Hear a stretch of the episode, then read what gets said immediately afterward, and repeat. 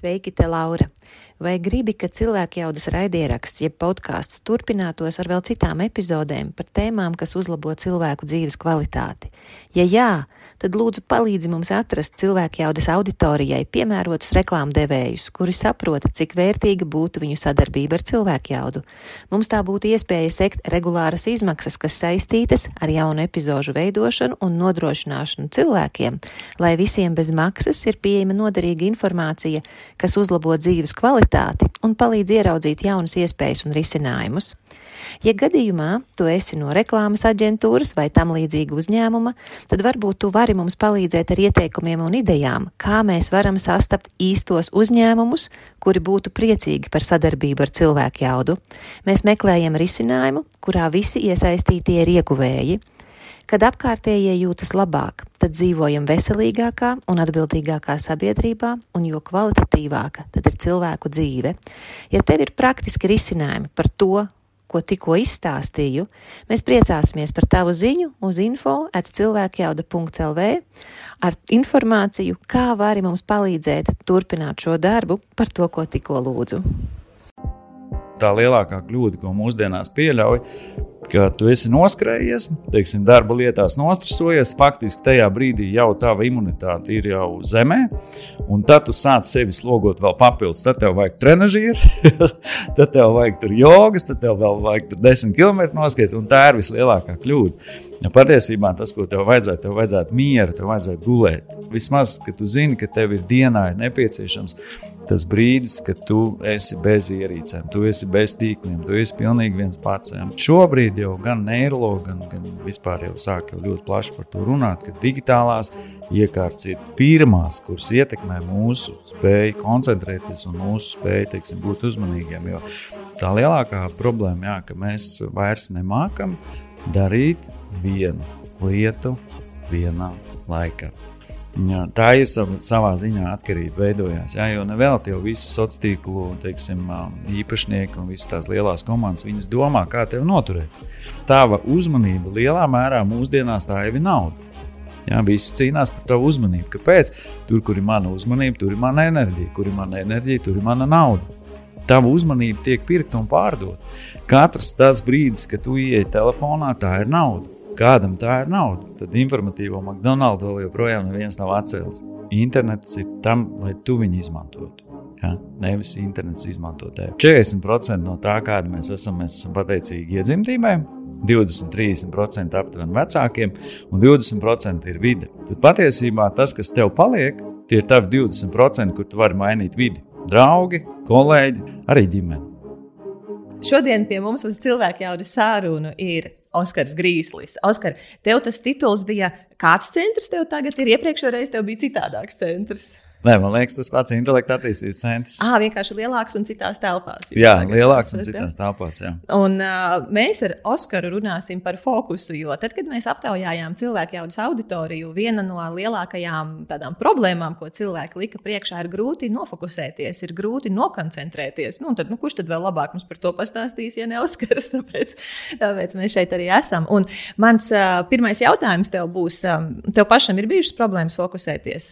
Jā, noteikti. Noteikti, noteikti. Jā, ir bijuši. Un vēl tagad ir, ja tas bija tā, jau tu tā kā pārvarēji to? Uh, tagad mazāk, jo diezgan tā mērķiecīgi izmantoju tās zināšanas, kuras es esmu guvis. Līdz ar to tādu brīžu ir mazāk. Bet noteikti arī ir. Jā, es jau esmu dzīves cilvēks, neizguļos, pārstrādājos, vienkārši nāk miegs brīžiem, un tad ir grūti darīt tās lietas, kuras tev ir jādara. Jā.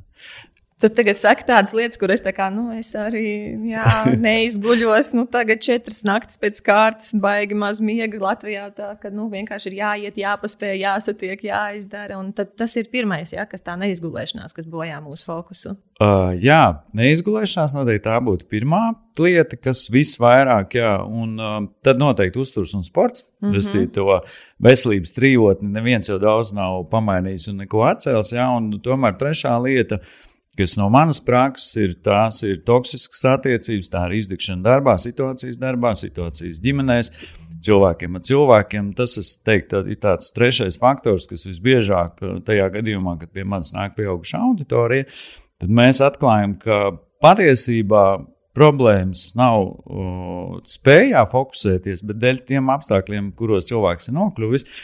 Uh, visbiežāk tā ir situācija darbā. Pieļauju domu arī situācijas, kādas ar kolēģiem un arī ģimenes dzīvē.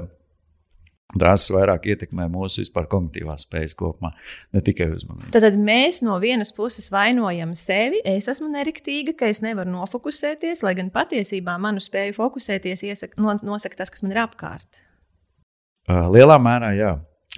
Par ko runā psiholoģija, tad 40% no tā, kāda mēs esam, mēs esam pateicīgi iedzimtībai, 20-30% aptuveni vecākiem, un 20% ir vide. Un tad, kad es runāju ar cilvēkiem, un arī lekcijās uzstā, uzstājos vai stāstu par šīm lietām, tad patiesībā tas, kas tev paliek, tie ir tavi 20%, kur tu vari mainīt vidi.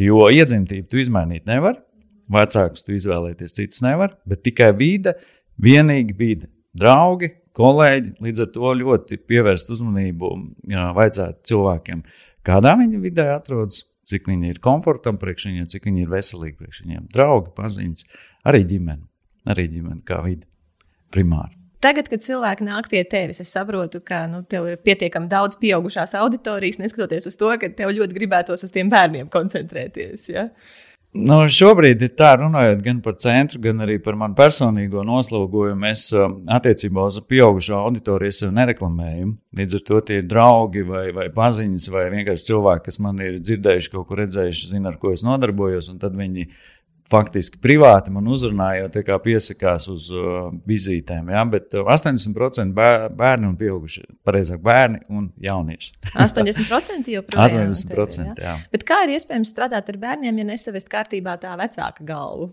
Vai audzinātāji vai skolotāji? Galva? Jā, patiesībā tas ir ļoti labs uh, jautājums. Jau arī dzen, uh, ar kolēģiem par šo runājam bieži un daudz. Uh, ka lielā mērā vecāki atved pie mums bērnu vai jaunieti, bet tiešām tā problēma ir meklējuma vecākos. Viņi grib, lai, vec, lai bērns labāk koncentrējās, lai viņš kļūst punktuāls, lai viņš kļūst disciplinēts. Bet, ja mēs paskatāmies uz apmeklējumu, tad bieži vien šie vecāki aizmirst savus bērnus pie mums atvest. atved pēdējā brīdī. Uh, paši noskrējušies, aizalsušies. Jā, un tu saproti, ka patiesībā nu, ne jau tas bērns šajā gadījumā ir tik ļoti teiksim, vainojams pie tā, ka viņam ir grūtības uh, fokusēties, jā, vai tas, ka viņš ir impulsīvs. Protams, šie gadījumi ir ļoti dažādi, bet lielā mērā es gribētu teikt tā, ka darbs ar vecākiem būtu nepieciešams vēl vairāk un vēl cītīgāk. Un tas, ko es teiksim, no savas puses daru, teiksim, atnākot pie mūsu centra, tad pirmā stunda ir nosacīta konsultācija kas bieži vien ir bez maksas, un tad es um, tiem vecākiem izstāstu faktiski tās pašas svarīgās lietas, miegs, uzturs uh, un kaut kāda audzināšanas principi, kas ir katram vecākam uh, jāseko līdz tam, ja viņš grib palīdzēt savam jaunietim vai bērnam. Teiksim, tā. nu, tagad tu man iedūri tādā ļoti sāpīgā vietā. Uh, par to es izstāstu miegs, uzturs, uh, un kas vēl tur bija kustības, laikam. Jā, no kustības arī. Jā. Jā. Vēl... Par, paredzamība noteikti. Uh, Tas, ka ir ikdienā saprotama rutīna, tas, ka teiksim, ejam gulēt vienā laikā, ceļamies vienā laikā, tajā dienā, tajā laikā mēs darām to, citās dienās mēs darām to. Nu, respektīvi, lai bērnam būtu struktūra un būtu koordinētība jau no vecāka puses. Tā ir tieši tāpatās tā struktūra un koordinētība jau tiem pašiem vecākiem arī ir vajadzīga. Jā, un tā ir otrā tēma, kad it kā jau mēs runājam par to, ka mūsdienās bērniem un jauniešiem kognitīvās spējas pavainās, uzmanība pavainās. Lielā mērā es domāju, mēs to varam attiecināt arī uz sevi. Jā, nepārtraukti skrienoši, viss kaut kas mums ir jāpaspēj. Jā. Arī tādi, teiksim, bieži vien klienti, kas pie manis nāk, ir tādi, teiksim, tādi vienmēr mūžīgi sevi optimizējošie. Jā. Jā. Un, nu, tu jau un, pats tāds esi loģiski. nu, jā, bet tur, protams, jā, bet tev, tur ir arī jā, jāmāk atrast tādu, teiksim, tā ves, veselīgais tas vidusceļš. Ka nav tev tā, ka uh, burtiski katru rītu tu sāc no tā, ka tu pasties gadžetā, kāds tev ir sirdsrīta variabilitātes rādītājs, kā tev ir pulss, cik tu esi gulējis, cik tev ir uh, dziļais miegs, cik ir seklais miegs. Jā, nu, ir, ir tādi cilvēki, kas to ļoti, ļoti aizraujās. Un, un, un, jā, bet es aicinātu ar to tik ļoti neaizrauties. Vairāk tā dabiski, un tad, kad vajag, protams, mēs paskatāmies kaut kādus kritērijus, kas patiesībā ir ļoti, ļoti svarīgi. Tad, kad tu plāno savu dienu, ja tev ir iespēja uh, dienas sākumā paskatīties, kāds tev ir sirdsrītma variabilitātes rādītājs, tas ir patiesībā ļoti, ļoti labi. Jo sirdsrītma variabilitātes rādītājs tiešām parāda to, uh, cik lielā mērā tu vari tajā dienā sevi slogot. Viņš parāda tavu veselību, viņš parāda tavu imunitāti. Un, un tā lielākā kļūda, ko mūsdienās pieļauj, ka tu esi noskrējies, teiksim, darba lietās nostresojies, faktiski tajā brīdī jau tava imunitāte ir jau zemē. Un tad tu sāc sevi slogot vēl papildus. Tad tev vajag trenižeri, tad tev vajag tur jogas, tad tev vēl vajag tur desmit km noskriet. Un tā ir vislielākā kļūda. Ja patiesībā tas, ko tev vajadzētu, tev vajadzētu mieru, tev vajadzētu gulēt. Un uh, arī tad, kad uh, arī mans teiksim, pēdējais, uh, es teiktu, pat ja ne pusgads, noteikti deviņi mēneši pagājuši pietiekoši saspringtā darba režīmā. Un tajā brīdī, kad es saprotu, ka man ir nepieciešama atpūta, tu vienkārši tikai atpūties. Tu, tu tikai guli. Ja? Un tad, ja tev ir teiksim, izdalīts kaut kādas prioritātes, kas manā gadījumā bija centra atvēršana, tad tas ir darbs ar klientiem, tas ir stratēģijas, darbinieku apmācība, viss fiziskais darbs, tas viss ir iekšā. Un otra Tur nekas cits vairāk nevar būt. Tur tikai atpūta. Darbs, atpūta. Darbs, atpūta. Tā. Bet tajā laikā jau tu tāpat tā, turpināji sportot un darīt lietas. Uh, dari, jā, bet tu dari tā nedaudz gudrāk. Tad, kad tu esi pārslogojies, tad, kad tu jau esi teiksim, uz tādas nosacītas izsīkuma robežas, tad vienkārši pastaiga ļoti, ļoti relaksēti. Ja, lielākā kļūda, nu, atkārtošos, ja tu nedrīkst sevi vēl slogot un pārslogot. Nu, tā ir tas, tas uh, lielākais mīts, ja, kad uh, tev vajag it kā mainīt tās savas nodarbošanās, ja, bet tajā brīdī, kad tev ir pietiekoši intensīvs slodzes darbā, ka tu sev vēl papildus slogo un pārslogo. Un arī sportisti viņi izdeg. Mhm. Ja, tieši, tieši dēļ tā, ka neseko līdzi nu, faktiski tādiem ļoti būtiskiem rādītājiem. Ne, pateicoties tehnoloģijām, mūsdienās mēs to varam diezgan tā labi pasakot līdzi. Papildinot tevi, es atceros, kad sarunā ar profesoru Konrādi, ka Jā. viņi arī teica, kad atnāk šis cilvēks, kurš jau ir, nu, viņam jau sliktāk rādītāji ir un veselība jau, jau kaut kā klibo, un tad tas cilvēks ir nolēmis, man ir stress, man ir jā, jācīnās ar stresu un sāk skriet. Bet parasti šie augsto sasniegumu cilvēki, nu, viņi jau vienkārši nav tā, ka iziet tur 5, nu, 5 minūtes paskriet vai 5 kaut kāds, varbūt pat ne kilometrus, bet uzreiz uz maratonu gatavojās. Jā, jā, jā. tad nosvilst vēl, vēl trakāk no visām pusēm. Bet um, runājot par. Um, To, ka tu saki, e, tie, tie, tie pieaugušie arī nāk pie tevis. Kas ir tās galvenās sūdzības, ko paši pieaugušie saka? Viņi, pirmkārt, viņi pamana bērnus, jo man liekas, nu, viņi sevi nejūt tik ātri, kā viņi. Nu, ja bērnam ir problēma, tad vecākam viss antenas uzreiz ir augšā. Man te kaut kas jādara. Bet tad, kad viņi pamana sevi, ko viņi pamana, ka tu saki, ok, te ir tiešām grūtības. Jā, nu visbiežāk jau nāk tiešām tad, kad cilvēkiem ir tiešām grūti. Uh mhm. -huh. Jā, jo pretējā gadījumā jau viņi pie tevis nenāk. Un tās galvenās sūdzības pasliktinās uzmanības spējas, koncentrēšanās. Bet kā cilvēks to pats pamana? Es domāju, pēc tādiem kopīgiem fizioloģiskiem rādītājiem, laikam. Nu, tas, ka jūtas, ka kaut kas nav labi, sliktāk iegaumē informāciju, sliktāk uh, performē darbā. Un patiesībā tās profesijas ir ļoti dažādas, bet top profesijas noteikti, kas visbiežāk kuriem cilvēkiem tāds teiksim, visaugstākais izdegšanas risks, tie ir skolotāji, juristi, grāmatveži un uh, medic medicīnas uh, personāls. Jā. Tie ir tie cilvēki, kuriem ir viss, vis, tā teiksim, nu, visgrūtāk. Un tad, ja ģimenē vēl gadās kādas, teiksim, uh, uh, grūtības, teiksim, līdzatkarības vai, vai, vai vienkārši teiksim, attiecības jau sevi ir izsmēlušas vai iegājušas tādā nepārāk vēlamā gultnē, tad, protams, tas viss dub dubultojas, un tad uh, šiem cilvēkiem ir uh, tiešām grūti. Jā. Tu nepieminēji IT jomu, viņiem viss ļoti labi ir. Ja? Uh, IT joma, es, jā, Tur man liekas, šobrīd daudz, daudz tādu cilvēku, kas no IT jomas nav. Viņi parasti IT joma, jo viņi ir pietiekuši diskrēti, sevi noslēgti. Viņš Neies daudz nerunās. Jā, viņš, viņš iegūlē visu. viņš, jā, viņš daudz nesūdzās. Viņš savā vidē, savos trijos kvadrātmetros ar datoru strādā. Nu, protams, ne visi, jā, teiksim, ir, ir nākuši arī cilvēki no informācijas tehnoloģiju uzņēmumiem. Un tad ir kā IT joma, bet patiesībā tas cilvēks viņš ir. Viņš nav programmētājs, bet viņš ir projektu vadītājs. Jā, piemēram. viņš ir projektu vadītājs, un, protams, arī projektu vadītāji mūsdienu vidē no viņiem tiek spiests uh, vispēdējais ārā. Līdz ar to viņi arī ir šajā riska grupā. Jā. Bet uh, Šie, teiksim, šis kontingents vairāk viņi maus līdz pēdējiem. Nu, tad, jā, viņi, viņi nonāk cilvēki, slimnīcā pirms viņi nonāk pie tevis. Nu, ir pienāk kaut kāds brīdis, jā, kad viņi saprot, ka, ka, ka, ka nu, ir viss. Nu, ir viss, jā, tad, tad, tad izdegšana un tā, un tad jau ir tā. Teiksim, pie manis vairāk jā, tā cilvēki, kur sāk uzdot jautājumus un meklēt kaut kādas atbildes. Jo es neesmu neiroloģis, es neesmu, teiksim, es neizrakstu zāles, un arī faktiski arī tā mana nostāja par ko arī man simpatizē faktiski arī Sandrs Vestermans. Teiksim, tāda pieeja, ja, ka viņi tomēr tāda, nu, pēc iespējas mēģinām bez medikamentiem, ja, pēc iespējas dabiskā veidā, ar dabiskām lietām. Un daudz, ļoti daudz ko var sakārtot. Tikai tam ir vajadzīga neliela izpratne, zināt, kam, kad ir jāseko. Ja, kā jau minēju, tad, ja tu esi izdedzis, tad nebūs pirmā atbilde, ka tev ir jāsāk sportot. Gluži otrādi, tieši otrādi. Tev būs sākumā jāļauj savam uh, organismam maksimāli atpūsties, un pēc tam minimāli sevi jāsāk slogot. Un, ja tev ir šīs zināšanas, tad tu ļoti uh, ātri sajūti, ok, šobrīd esmu tādā pusizdegušā stāvoklī, man šobrīd ir vajadzīga atpūta, visu sportu, visu aktīvo. Es atstāju, bet es atstāju tādā sev patīkamā līmenī. Es sev nepārslogoju ar to. Tas ir, nu, lai tā. sevi nevis izžmiegtu, bet lai sevi atbalstītu. Tā. Jā, jā, vairāk tāds pastaigas, došanās dabā ar ģimenes locekļiem, nu, kaut kas tāds patīkams un vienkāršs un, un, un bez, bez tādiem uzstādījumiem. Mhm. Tā. No vienas puses, tu teici, ka mums nevajadzētu pārspīlēt ar visiem tiem mērījumiem, ja nu, tur miegs, dziļais miegs un tam līdzīgi, bet tas, ko tu pieminēji, sirds ritma variabilitāte, ja to tu gan ieteiktu mums zināt, tad vispirms visi iespējamie varianti, kā var zināt savu sirds ritma variabilitāti. Ja cilvēkam nav tur, es nezinu, droši vien aura gradzens un, un es nezinu.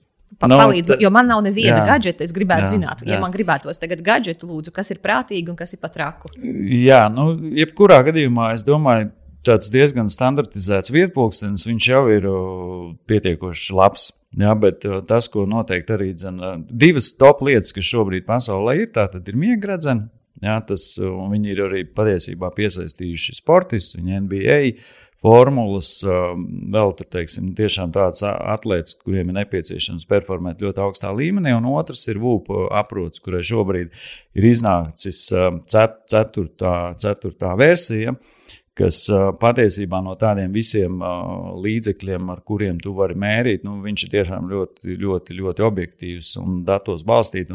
Patiesībā jau viņi lielā mērā tur mēr tikai šo vienu rādītāju, sirds ritmu, sirds variabilitāti, tur tieši kas attiecās visu sirdsdarbību. Un tu teici, HUP, droši vien raksta Vup. viņu VUP. Jā, W. Uh, w, uh, H, O, O, P. Ah, v, jā, jā. Okay, Vup, un, jā, viņi arī šobrīd patiesībā ir diezgan aktīvi. Viņiem tikko bija šīs ceturtās versijas tā, tā kā lielā palaišana, tad viņi arī intervēja pasaules līmeņa sportistus. Patiesībā sportisti aprindās to šīs ierīces zina. Nē, Garmin un Polar tas, tas ir pašs paš par sevi. Nu, vēl tā, mēs tagad runājam ar cilvēkiem, kuriem tas nav pašs par sevi, kā es.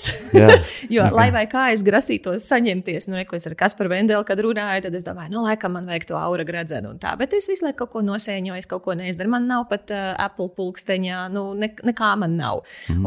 Un man, mūsu auditorijā ir gan daudz tādu cilvēku. Ja ir viena daļa, kas ir paspējuši iegādāties un tā, bet nu, mēs esam apjukušie tie pārējie. Man lūdzu, priekš tiem apjukušajiem, kā man lūdzu. Uh, nu, tu teici, Garmin pats par sevi, kaut ko tu vēl Polaris teici pats Polar, par sevi. Jā. Man tas ir labi. Es zinu, ka ir garmin, jo man vīram ir garmin pulkstenis, mm -hmm. bet nu, viņš tur stāv uz plauktiņa. Tajās dažās reizēs, kad viņš tur kaut ko iet skriet, viņš to pulksteni paņem.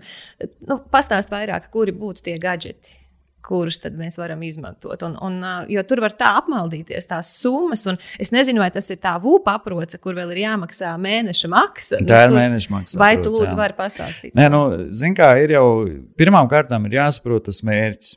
Ko tu, ko tu vēlēsies? Ja? ja tavs mērķis ir uzlabot miegu, kas patiesībā ir ļoti objektīvs un ļoti vajadzīgs rādītājs, Tad aura gredzens. Nu, arī faktiski arī finansiāli tev vajag izvēr, izvērtēt. Ja? ja tu tomēr uh, vairāk nodarbojies ar sportu un vēlies iegūt sev teiksim, tādus datus arī nu, savai veselībai, tad es tomēr ieteiktu VUP. Jo, nu, kāpēc VUP? Un daudz, daudz šausminās. Nu, jā, tur tās abonēšanas maksas, tur 18, 20 eiro mēnesī. Tas tā ir, bet no otras puses ir jāsaprot, lai šīs iekārtas būtu objektīvas, lai viņas visu laiku tiktu viņās ieguldīts. Ir nepieciešama komanda, kas ar to strādā. Ja, līdz ar to tur atkal ir bonus tas, ka tajā brīdī, kad jūs piesakāties uz to jauno aproci, tad jums atsūta un tev nav papildus jāmaksā par jaunas ierīces maiņu, vai tev sa sabojājās, tad viņi atkal tev atsūta šo teiksim, ierīci. Un, un, un tā. Bet es varbūt gribētu no, par ierīcēm novirzīties, jo manuprāt, ir katram, katrs Katrs ir tiesīgs izvēlēties, ko viņš eh, vēlas un ko viņš grib, atkarībā no tās vajadzības, kura viņam ir teiksim, nu, nepieciešama. Ja? ja viņš ir sportists, tad viņu interesēs tādas lietas, ja viņš ir vairāk tāds fitnes cilvēks, tad viņu interesēs tas galvenais ir vispār tas, ka cilvēks pievērš uzmanību savai veselībai. Ja, vai viņš to dara ar ierīcēm, vai viņš to dara bez ierīcēm. Šajā gadījumā tas ir, teiksim, tas būtu mazsvarīgi. Ierīces palīdz objektīvi gūt datus par savu veselību, par tavu imunitāti. Jā, teiksim, VUP aprots brīnišķīgi parādīs trīs dienas iepriekš, ka tev jau būs, būs slima ar vīrusu, kas mūsdienās tas ļoti aktuāli. Jā, un, teiksim, arī tie cilvēki, kas ir manā apritē, ja, un, un, un visi tie, kas nu, faktiski seko savai veselībai, ja, trīs dienas iepriekš tu vari gūt pietiekoši objektīvus datus tam, ka tava imunitāte ir lejā, un tad nu, vienkārši piebremzē, neskrien neskrien tos 10 km, neskrien tos 5, pastaigājiet. Tas ir tas, ko tu lietoji, tā saprotu. Uh, es patiesībā šobrīd pat esmu no tādiem gadgetiem diezgan brīvs, jo man ir gan daudz visādi gadgeti pie manis centrā. Ja. Man bija speciāls arī tāds vagus pulkstenis, un tad atkal tur vagus. Mēs, vagus jā, un, un tur tā viņa galvenā doma bija tā, ka Uh, viņu izstrādāja Gustavs, uh, tāds, ja nemaldos, Zviedrs, jā, un šis vagus pulkstenis, viņš lielā mērā viņš, uh, mērīt tieši klejotāju nervu tonus. Un tad mēs iespējams varam sākt runāt ļoti gari un dikti un dziļi. Bet tā galvenā doma ir tāda, ka klejotāja nervs tas ir visgarākais nervs, kurš ir savienots pilnībā ar visiem taviem orgāniem. Un viņš rādīja tieši to tavu klejotāju nervu tonus, kas pēc būtības arī tiek noteikts ar sirds ritmu variabilitātes rādītāju. Jo augstāks tev sirds ritmu variabilitātes rādītājs, jo šis klejotāja nervs tev ir labākā tonusā, jo tevi var labāk slogot fiziski, mentāli, tu esi izturīgāks. Un, um, ļoti labs pulkstenis, es viņu šobrīd esmu devis savam vecākajam dēlam, um, bet tā galvenā doma tāda, ka viņš uh, man nederēja ar to, ka katru dienu bija jāvelta minūte vai divas, lai šos rādītājus ievāktu. Un tad tev jāapsēžas, un tad tev jāsēž. Minūte un, un divas. Minūte un divas, jā. Un, un, un, nē, nu, kaut kādā brīdī tas ir ļoti interesanti, un tu pasako līdz saviem tiem rādītājiem un tā, bet ikdienā, ikdienā tas, tas tā kā nedara. Jā. Nu, jā, tas tā kā vairāk paslinku. paslinku, jā, visam ir vajag būt tagad uzreiz un paskatīties telefonā. Un tā. un tad šobrīd um, arī pēc kaut kādām pārdomām, tad es arī pasūtīju šo VUP 4. Un, un, un, jā, tad, Bet tu gaidi, kad viņi tev atsūtīs. Jā, jā, tagad uz viņu ir jāgaida, kā jau uz visām labām salīdzinoši jaunām mantām. Tad mantiņām. Tas ir kā, kad, kā, kad Apple izlaiž savus jaunos produktus, ja tā tagad Vūpa izlaiž savu jauno produktu. No, jā, nu, palielam jau, jā, jā. Bet, nu, jā, tas, tā, tā, tā, tā ceturtā versija, viņa ir laba, jā, tur daudz foršas visādas lietas, um, jā, ieskaitot miegu, sirds variabilitāti un, un, un tā. Un tad viņi arī tur tā diezgan forši tā parāda, nu, tu vari šodien kaut ko darīt, vai tu nevari. Jā, un es esmu pats testējis, skatījies, jā. Un ir tā, ka tu no rīta pamodies un tev liekas, viss, tūlīt es darīšu, viss būs, es iešu, paskaties, tā kaut kas nav labi. Un pulkstenis paiet burtiski kāds 3-4 stundas, un tu sāc justies miegains. Tu tā kā saproti, nu, līdz ar to tiešām iekārtām var uzticēties, un kaut kādā brīdī viņas ir nepieciešamas. Ja? Bet nevajag ļoti aizrauties. Mm -hmm. ja? Kas ir tas, ko tu redzi, ko tev visbiežāk nākas cilvēkiem stāstīt par sirds ritma variabilitāti, pat tad, kad nu, cilvēks nu, zina tādu rādītāju, ja? kad viņam varētu noderēt mm -hmm. tādi dati, bet tu redzi, nu, viņi nesaprot līdz galam, viņi varbūt nepievērš tam pietiekamu uzmanību. Jā, nu, tas, kurā brīdī es vispār sāku runāt ar cilvēkiem, tas laikam ir tas brīdis, kad cilvēki vēlas saprast un iemācīties patiesībā relaksēties. Jā, jo sirdsapziņas variabilitāte viņa tiešām mērā parāda to tavu gan to veselības stāvokli, gan to, kā tu vari uh, būt slogots. Bet labā ziņa ir tā, ka patiesībā tu šo sirds ritmu variabilitātes rādītāju vari arī trenēt. Tu viņu arī vari uzlabot. Uh, Un, uh, tas, ko noteikti tev vajadzētu iemācīties, ir uh, jau nākamais solis, ir tā saucamā koherentā elpošana. Patiesībā tas ļoti vienkārši. tā galvenā doma, ka koherenta elpošana ir mm, tad, kad uh, katram cilvēkam ir individuāla, bet lielā mērā viņa visiem mums ir vienāda. Tad koherenta elpošana seši pilni ieelpas, izelpas cikli minūtē, kas ir 5 sekundes ieelpa, 5 sekundes izelpa, 5 sekundes ieelpa. 5 sekundes izelpa. Un tajā brīdī, jau pieslēdzot iekārtas, tu vari iemācīties tā saucamo koherentu elpošanu, ka tava sirdsdarbība ir koherenta ar tavu elpošanu. Un, ja tu to iemācies, miers ir garantēts. tu teici, 5 minūtes vai 10 minūtes tas ir jādara? Nē, to var darīt arī ilgāk. Galvenā tā doma - 5 sekundes iela, 5 sekundes uh, izelpa. Mhm. Jā, bet uh, treniņam pietiek 50 minūtes, jo uzmanību ilgāk noturēt arī pagrūti. Un tad, uh, tad es ar šo te ielpu uh, nomierinu savu sirdi vai aktivizēju savu sirdi, ja es esmu bijis baigta mierīgā. Uh, Ziniet, kā drīzāk, nu, parasti jau nomierina. Uh mhm. -huh. Parasti nomierina, bet uh, tas, ko tu iemācies, un kāpēc arī man tomēr patīk šī biofeedback, neirofeedback pieeja, un es uzskatu, ka tā tiešām ir 21. gadsimta apziņotības metodes, jā, teiksim, ja palīgi līdzekļi. Jo tajā brīdī, uh, kad es tev pajautāju, Laura, kā tev šobrīd šķiet, tu esi pietiekoši relaksēta, tu esi, nu, tiešām vai tu esi relaksēta, un mēs ejam divi tā, ir klusu, ir miers. Un tu pasaki, jā, tu zini, es jūtos pietiekoši relaksēti. Un tajā brīdī, kad mēs pieslēdzam iekārtas, iekārtas ļoti ātri. Jā, jā, iekārtas ļoti ātri parādīs, vai tu esi relaksēta, un biofeedbacks parādīs, kādā stāvoklī tavs ķermenis, faktiski tavs izdarbība, cik tavs ir, cik koherenta ar tavu elpošanu. Un savukārt neirofeedbacks parādīs, nu, kas tad īsti tur galvā ir. Ja? Bet arī, tur, tur arī daudz cilvēku, kā, nu, viņiem bieži liekas, viņi kā, oh, tu tur ar tām smadzeņu lietām nodarbojies. Zini, kā bez mazliet tā kā gaišs, vai tā, ka tu pie manis atnāks un es uzreiz tev pateikšu, ko tu domā. Un, un, un daudz citas lietas, ja? bet tā jau nav. Ja? Es lielā mērā tas, ko es varu noteikt, tas var noteikt, vai tev ir pāraktīvs prāts, ja? tas ir, bet viņa aktivitāte ir Vai nu, ja tev ir teiksim, miega traucējumi, tos arī var ar neirofeedback palīdzību noteikt. Jā, un otrs ir, ja tev ir kā, teiksim, paaugstināta motorā aktivitāte, kas ir mans darbības lauciņš, faktiski bērni ar hiperaktivitāti, bet, kā mēs zinām, arī 30% pieaugušo mēdz izaugt, nu, respektīvi, viņi izaug lieli, bet viņiem tā hiperaktivitāte saglabājas. Mm -hmm. Un tad jau izējot no tā, ja tu neesi laicīgi sācis par šīm lietām domāt, ja tev nav bijusi iespēja pakonsultēties vai vienkārši izglītoties šajā jomā, ja, tad pieaugušie ar hiperaktivitāti viņiem ir diezgan liela noslēdze uz atkarībām, uz visu veidu teiksim, tādām. Uh, varbūt sociāli grūti saprotamu uzvedības veidu, nu, tādā veidā. Ja? Bet, ja tu sāc laicīgi par to domāt, tu sāc sevi strādāt, uh, tad tu to vari mainīt ātrāk un, un, un vismaz apzināties, saprast, ka tā ir tā, tā teiksim, problēma un ka tu uh, esi jau izaudzis liels un tev ir šī, teiksim, jā, šī, šī hiperaktivitāte un tā.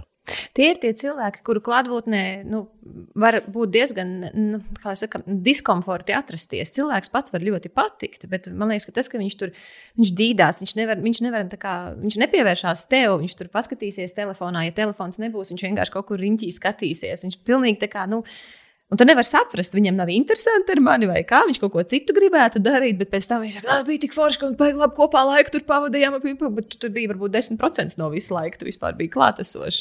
Jā, jā, jā.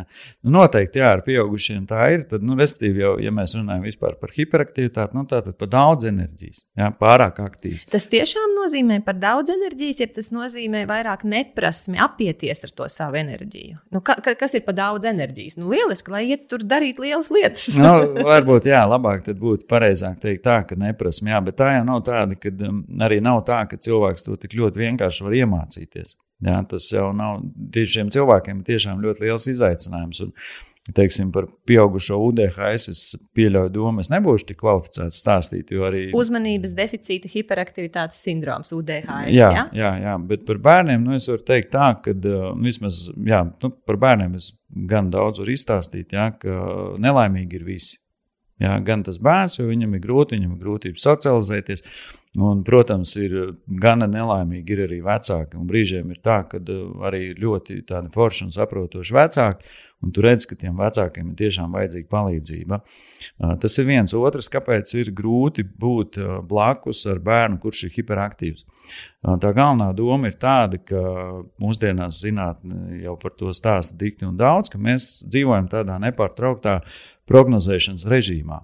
Arī šobrīd, tu man klausoties, patiesībā tas, ko tu dari, tu visu laiku prognozē. Ja? Un par to jau viss tā kā zina problēma ar šo par hip... to ļoti reti, kurš zina. Tu, tu par to zini, no, nu, es saprotu. Labi, jā, bet par paldies. to reti. Jā, bet tā, tā problēma ir tā, ka atrodies, atrodoties blakus vienā telpā ar šo hiperaktīvo bērnu, viņš nepārtraukti šaubu korķus ārā. Ar to, ka viņš, nu, tu prognozē vienu, viņš pilnīgi kaut ko citu. Tu gribi dabūt viņu tajā vienā rāmī, un, un saproti, un tās noteikti nepārtraukti tādas multi Tāds, tā, tā tava prognoze nesaskan ar to tevis gaidīto, un tu esi tajā brīdī maksimālā izdegšanas režīmā, jo tava prognoze nestrādā. Tad manas smadzenes iet pa gaisu vienkārši. Jā, viņas nevar paredzēt, kas tagad notiks, un attiecīgi samanģēt manus resursus, lai es varētu reaģēt uz to, kas notiek. Un tas bērns tur ir Nu, es jau, man, man mazāk uztrauc, ko tie bērni tur dara. Man vairāk uztrauc, ka es esmu tāda pieaugušā sabiedrībā. Tas man liekas, ir daudz trakāk. Nu, ar pieaugušiem viņi tomēr jau vairāk kontrolē. Pieaugušiem vairāk tā tiešām tā viņa hiperaktivitātes problēma jau sagādā viņiem pašiem. Ja, viņiem ir tiešām grūtības apkusēties, viņiem ir grūtības darīt kaut kādas monotonas lietas, viņiem ir pietiekoši daudz enerģijas, viņiem kaut kā vienkārši grūti nosēdēt. -hmm. jā, teiksim, nu, tās tādas lietas, jā, ar kurām, ar kurām jā, kuras, kuras, kuras attīstās. Un, jā. Man uh, no paziņu loka, kad es jautāju par fokusēšanos, kas ir, nu, kā, kā viņi zina, kad ir grūti fokusēties, tad viens tāds tipiskais ir tie, kas ir grāmatu tārpi. Nu, es, es saprotu, ka tu esi grāmatu tārps visticamākais, vai bijis kādreiz grāmatu bijis tārps. Vairāk, jā. Jā, uh, es tāds cilvēks esmu, un ir arī citi, kam ļoti patīk lasīt un labprāt lasītu. Bet ir pamanījuši, ka pēdējo gadu laikā nemaz tā nevar vairs iedziļināties mm -hmm. tajā grāmatā, un tēma interesē. Mm -hmm. Bet pamani, ka ik pēc brīža kā, kaut ko vajag vai nu apēst. Nu, obligāti ekrāns, nu, telefons tas ir. Mm -hmm. vis, vai tik kāds nav kaut ko rakstījis, vai tik kaut kas nu, vēl kaut kur nav parādījies. Reizēm pamana sev laika prognozes, skatoties, lai gan nu, tu lasīji grāmatu, par kuru tu teici, ka tu, ka tu gribi pievērsties tajā, tajā grāmatā. Tad viens ir tas, ka mums ir gadgeti pa daudz. Ja? Mēs tas daudz... ir viennozīmīgi. Jā, jau es atceros arī uzstāju, runājām ar tevīm. Um, aptuveni gadu atpakaļ, ja, tad informatīvo McDonald's vēl joprojām neviens nav atcēlis. Ja, tā galvenā problēma ir tiešām, ja kādreiz pētījumos.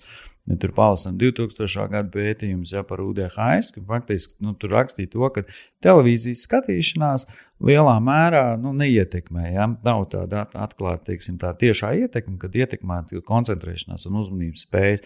Tad šobrīd jau gan neiroloģi, gan, gan vispār jau sāk jau ļoti plaši par to runāt, ka digitālās iekārtas ir pirmās, kuras ietekmē mūsu spēju koncentrēties un mūsu spēju teiksim, būt uzmanīgiem. Jo, ja mēs arī runājam par UDHS traucējumiem, tad primāri tur ir dopamīna, dopamīna sistēmas traucējumi, jā, respektīvi dopamīna. Un tas, ko mēs uh, nepārtraukti telefonos saņemam, dopamīna, tikai dopamīna. Un faktiski tas, ka, ko, ko tā lielākā problēma, jā, ka mēs vairs nemākam darīt vienu lietu vienā laikā. Tā ir tā mūsu lielākā problēma. Bet tas, tas, tā sakne tam ir, ka vienkārši mums ir izveidojusies atkarība, pateicoties nu, piemēram, telefonam vai kādam citam gadgetam, visu laiku saņem to dopamīnu, tādu tā kā injekciju mūsu, nu, tā kā iešprici mūsos. Jā. Ja? Un tad mēs tā kā es tagad lasu to grāmatu, ko es teicu, kas man tā interesēja, bet nu, lielākoties tās ir dažādas zinātniskas grāmatas, un tur tomēr ir jāiedziļinās, un kād, kādas lapus četras jāizlasa, kamēr tur tāds kārtīgs viens zelta grauds, ko mana parastā galva, galva saprot, un tad to četru lapušu lasīšanas laikā es nedabūju to dopamīnu injekciju iekšā. Jā, un, un, bet tā. tā, tas ieradums viņas saņemt ir izveidojies, un tāpēc tā, tad es pagrābu to telefonu, jo tur paskatās, oh, nu, re, uzreiz atkal labi palika. jā, jā, nu, tu ļoti dabiski izskaidroji visus šos procesus, kas notiek. Nu, jāsaprot to, ka jebkurā gadījumā. Jā, šī dop dopamīna enerģētiskā, teiksim, enerģētiskie traucējumi, jā, viņi jau lielā mērā ir teiksim, tie, tās galējās situācijas, ir novērojamas pie lielām atkarībām, ja pie izteiktām, jā, respektīvi, narkotikas. Jā, kas mums tur vēl ir? Nu, visa veida atkarības, jau faktiski, faktiski viņas jau traucē šo dop dopamīnu sistēmas apriti un visu šo enerģijas apriti. Bet runājot par teiksim, digitālajām lietām, Tas ir teiksim, simts reizes, vai varbūt nu, tur grūti varbūt salīdzināt, bet tomēr šī dopamīna ietekme notiek. Jā, tu, kļū, tu esi atkarīgs, tu kļūsti no tā atkarīgs, jā, un tavas koncentrēšanās un fokusēšanās spējas tiek būtiski uh, ietekmētas. Mm -hmm.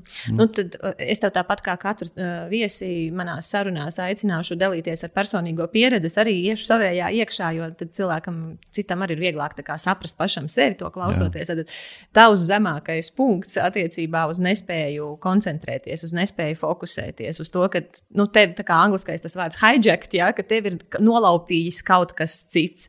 Uh, man tas ir tajos posmos, kad mēs ļoti aktīvi strādājam ar cilvēku jaudas darbu, un man ir jāliek iekšā uh, šie te klipi, un, un mēs vēl veidojam kaut kādas diskusijas ar cilvēkiem, komentāros un tā.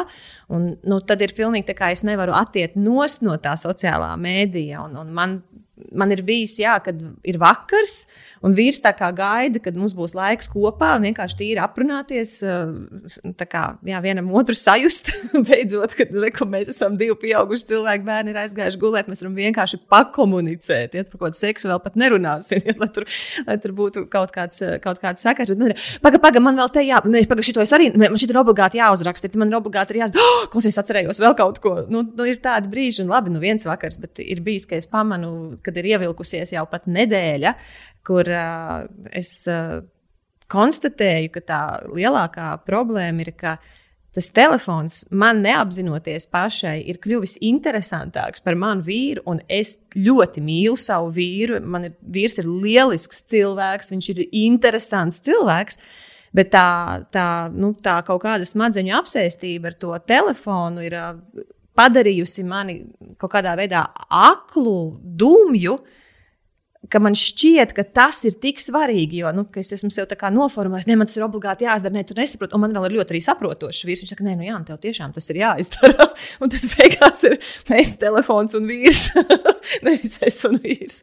Kā, kā, kā tu esi pamanījis sevi to? Jo citādi cilvēki ļoti bieži man šķiet, ka viņi kautrējās. Viņi domā, nu, ka mhm. tā ir tikai tāda viņa problēma. Un, lai vai kā mēs optimizējam katru savu dzīvi. Ka, kas ir tas tavējā? Ne, nu, man laikam tāda pirmā nojausma radās septiņu gadu atpakaļ. Tāda vispār pirmā arī gluži ļoti līdzīga stāsts kā tev, ka arī dzem, es tā kā piefiksēju, es vairs nelasu grāmatas. Jā, septiņi gadi atpakaļ bija tāds moments, kad es uzdevu, kāda ir bijusi pēdējā grāmata, kuras lasīju. Un tas piefiksēja, jā, ka tajā brīdī es um, diezgan daudz arī pavadīju laiku telefonā. Un es tā sāku tā analizēt, ieklausīties sevi, tā, tā kā, nu, jā, tā kā vairāk paš, pašanalizēt jā, sevi. Un sapratu, ka faktiski telefons kaut kādā ziņā ir izstūmis tās grāmatas. Jā, un tad jau lielā mērā tev apzināti esot, nu, tu tā kā soli pa solim virzies apakaļ. Tas laikam ir bijis pirmais, nu, tāds, tāds lielais. Jā. Uh, savukārt. Bet tas jau tāds ļoti skaists, nu, tas, tas gudrais Oskars, kurš lasīja grāmatas, viņš tā ņēma un pamanīja, ka viņš vairs nelasa grāmatas, un man līdz tam līmenim, kā līdz Saturnam tālu. nē, nē, nē, nu, nē, nu tu man jautāji. Tu atsāki lasīt tās grāmatas. Nē, nu vispār ir, zin kā tā pilnīgi tā ļoti, ļoti cilvēciski runājot par šīm lietām, kādreiz arī aktīvi interesējoties, jā, vēl studējot ar privātu toreiz, jā, psiholoģiju pašķirstīja kaut kāds pētījums, kas tiešām mērā parāda teiksim, televīzijas ietekmi uz vispār uz mūsu kognitīvām spējām. Par to jau nestāst, par to neizglīto.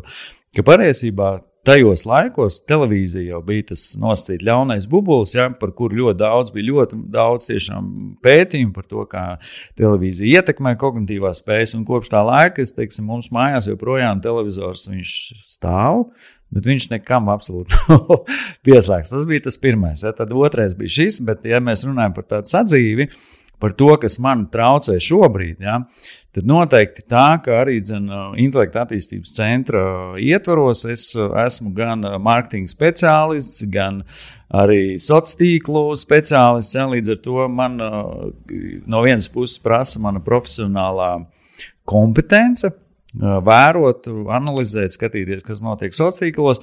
Būt tur pietiekoši aktīvam. Kādreiz man tāda vajadzība nebija. Jā, es tur, teiksim, man visi partneri pārsvarā, visi man nozīmīgie bija ārzemēs, un līdz ar to man Latvijas sociālos tīklos un to, kas notiek Latvijas sociālajā vidē, man lielā mērā vispār neskāra, un pat man nebija interesanti, un pat īsti nebija ar ko tā lielā mērā parunāt.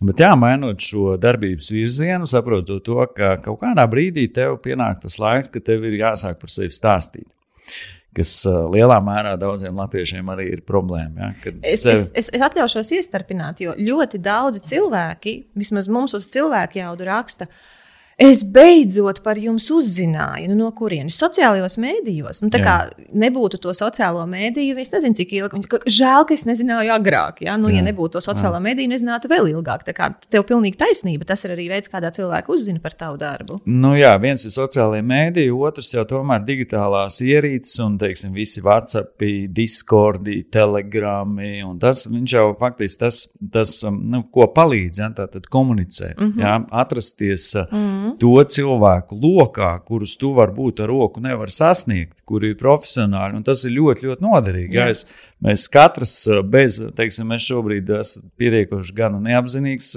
vecāks novirzot visas, teiksim, soc, ne sociālā tīkla, bet tādas, teiksim, ko, komunikācija tīkla aktivitātes uz sievu. Jo kāpēc? Jo man ir tāda grupa, man ir tāda grupa, man ir tāda grupa, un tur, tur tas notiek, un tas notiek, un tas, un beigās tādām elementārām lietām, par kurām varbūt man vajadzētu brīžiem varbūt vairāk interesēties un zināt kaut par to, kā man dēlam iet skolā un ko viņš tur īsti dara. Bet arī tur mammas sūta. ja tur tas jā, un tas, jā, tas ir ārprāts. Un tas ir tas, ir tas ja, ja tu jautā, kurā brīdī ir tas brīdis, kad es pamanu, ka tas ir pa daudz. Nu, jā, tajā brīdī, kad tu saproti, ka tev ir WhatsApp, tev ir Telegram, tev ir Discord, tev ir uh, Facebook, tev ir Instagram, kur tu plus mīnus esi aktīvs. Tev tam ir jāsako līdzi, jā, jo tu joprojām vēlies šo aktivitāti saglabāt. Tāpēc jā, ļoti nodara tā zināšanas, vismaz, ka tu zini, ka tev ir dienā ir nepieciešams tas brīdis, kad tu esi bez ierīcēm, tu esi bez tīkliem, tu esi pilnīgi viens pats. Ja? Šie, šie brīži mums visiem ir ļoti, ļoti nepieciešama. Un kā tu to sev nodrošini? Tīri praktiski, jo redzi, parasti, ko cilvēkiem iesaka, ir izdzēs. Nu, vienkārši izdzēs, izdzēsies Jā. no turienes ārā vispār. Nu, ka tev nav ne Instagram konts, ne Facebook konts, vienalga, kā, ko vēl tur cilvēks lietotu. Bet uh, ko darīt tieši tad, ja nu, ir kaut kādā kontaktā jābūt ar šo platformu, ja, jo tas ir vajadzīgs darbam, vai mm -hmm. vienalga, kam tas būtu vajadzīgs. Tad kā tu to nodrošini, ka tu tur neiekrīti? Jā. Un, un tieši pa tiem grūtajiem laikiem, ne jau tā, ka tev viss dzīve skaista, viss tur nemaz nav tik interesanti un tu tur mm -hmm. nelien. Bet tieši tur jau, kur jau uz tās adatas esi uzsēdies. Kā tu, tu es padalīšos arī to, kā es daru, bet jā, kā tu to jā. nodrošini? Nē, nu labākā, labākā metode ir vienkārši nolikt telefonu. Visu izslēgt tādā istabā, kaut kur tālu prom no sevis. Tas ir pats labākais. Jo tomēr jāsaprot to, ka Jā, tā ir sava, savā ziņā atkarība veidojās. Jā, jo nevēl jau visi sociālo tīklu teiksim, īpašnieki un visas tās lielās komandas, viņas domā, kā tevi noturēt. Viņas rada tev, teiksim, interesantu saturu, jā, bildītas, skaņas, jā, visa veida. Pat arī tādi triki, kurus tu pat uh, brīžiem neapzinājies. Nu, kāpēc, teiksim, uh, vienu klipu noskaties, un jau nākamais jau pats sāks spēlēt? Liekas, it kā nu, nevainīgi. Patiesībā tur jau ir matemātiskais algoritms, par to domā. Ja? Līdz ar to ir jāsaprot, ka tava uzmanība lielā mērā mūsdienās tā jau ir nauda. Ja, visi cīnās par tavu uzmanību. Kāpēc? Tur, kur ir mana uzmanība, tur ir mana enerģija, kur ir mana enerģija, tur ir mana nauda. Ja, līdz ar to uh, arī man pašam bija tāds gan liels tāds, uh, pārsteigums. Uh, bija tur divus gadus atpakaļ iespēja pabūt vienā tādā digitālā konferencē Barcelonā, kur es biju izbrīnīts, cik daudz cilvēku patiesībā cīnās par tavu uzmanību. Tava uzmanība tiek pirkta un pārdota. Katrs tas brīdis, kad tu ienāc telefonā, tā ir nauda. Kādam tā ir nauda? Tas ir cents, divi vai trīs, bet tā cilvēka ļoti daudz. Ja. Līdz ar to tas, tas, tas fenomens, ja, ka, un es domāju, ka tas jau tikai šobrīd attīstās. Ja, līdz ar to notiek cīņa par tavu uzmanību. Nu, un tad, tad tavā gadījumā tu teici, vajag to telefonu nolikt citā istabā. Es vienkārši gribu to ieraudzīt, nu, tīri praktiski. Tu tagad pārnāc Jā. mājās, tu ienāc pa durvīm, tev jau ir kaut kāda sistēma, kur tu liec telefonu. Apraksti man reālo situāciju, nevis ideālo, kā, kā Jā. tu gribētu, lai tu darītu. Nē, nu, Vai reālā, ko dažreiz tikai sanāk? Runājot par, par māju, par ģimeni, uh, ir tā, ka man ir ļoti strikti nosacījumi mājās. Es laikam joprojām es ļoti cīnos ar visiem. Īpaši ar, ar, ar, ar vidējo paudzi, kas, kas man sanāk, gan 11, 9, un patiesībā arī divgadnieki šobrīd jau. Ja, es ļoti, ļoti mājas vidē ļoti sekoju tam līdzi, lai nebūtu internets. Uh mhm. -huh. ja, lai viņš būtu limitēts, lai būtu pusstundu, stundu dienā atkarībā no vecuma. Tātad tavā, mājā, tātad tavā mājā nav Wi-Fi? Ir, bet uh, lielā poga pieder man. Jā, ja tu vari pastāstīt, kā tas tieši notiek, nu, tev, Jā. tu izmanto kaut kādu sistēmu, caur ko tu to kontrolē. Nē, nu, ļoti vienkārši iesprāst, izsprāst. Wi-Fi router. Tā tad viņš nav ieslēgts. Mm, nav, respektīvi, tad, kad ir nepieciešams, tad viņš tiek ieslēgts. Tad, kad labāk nevajag, tad viss tiek atslēgts un, un nav nevienam. Bet šis tā kā ir grūts risinājums tajās ģimenēs, nu, kur, kā, piemēram, nu, mans vīrs tagad arī lielākoties strādā no mājām. Nu, tur nav pat tāda varianta, ka mēs varētu viņu tur izspraust.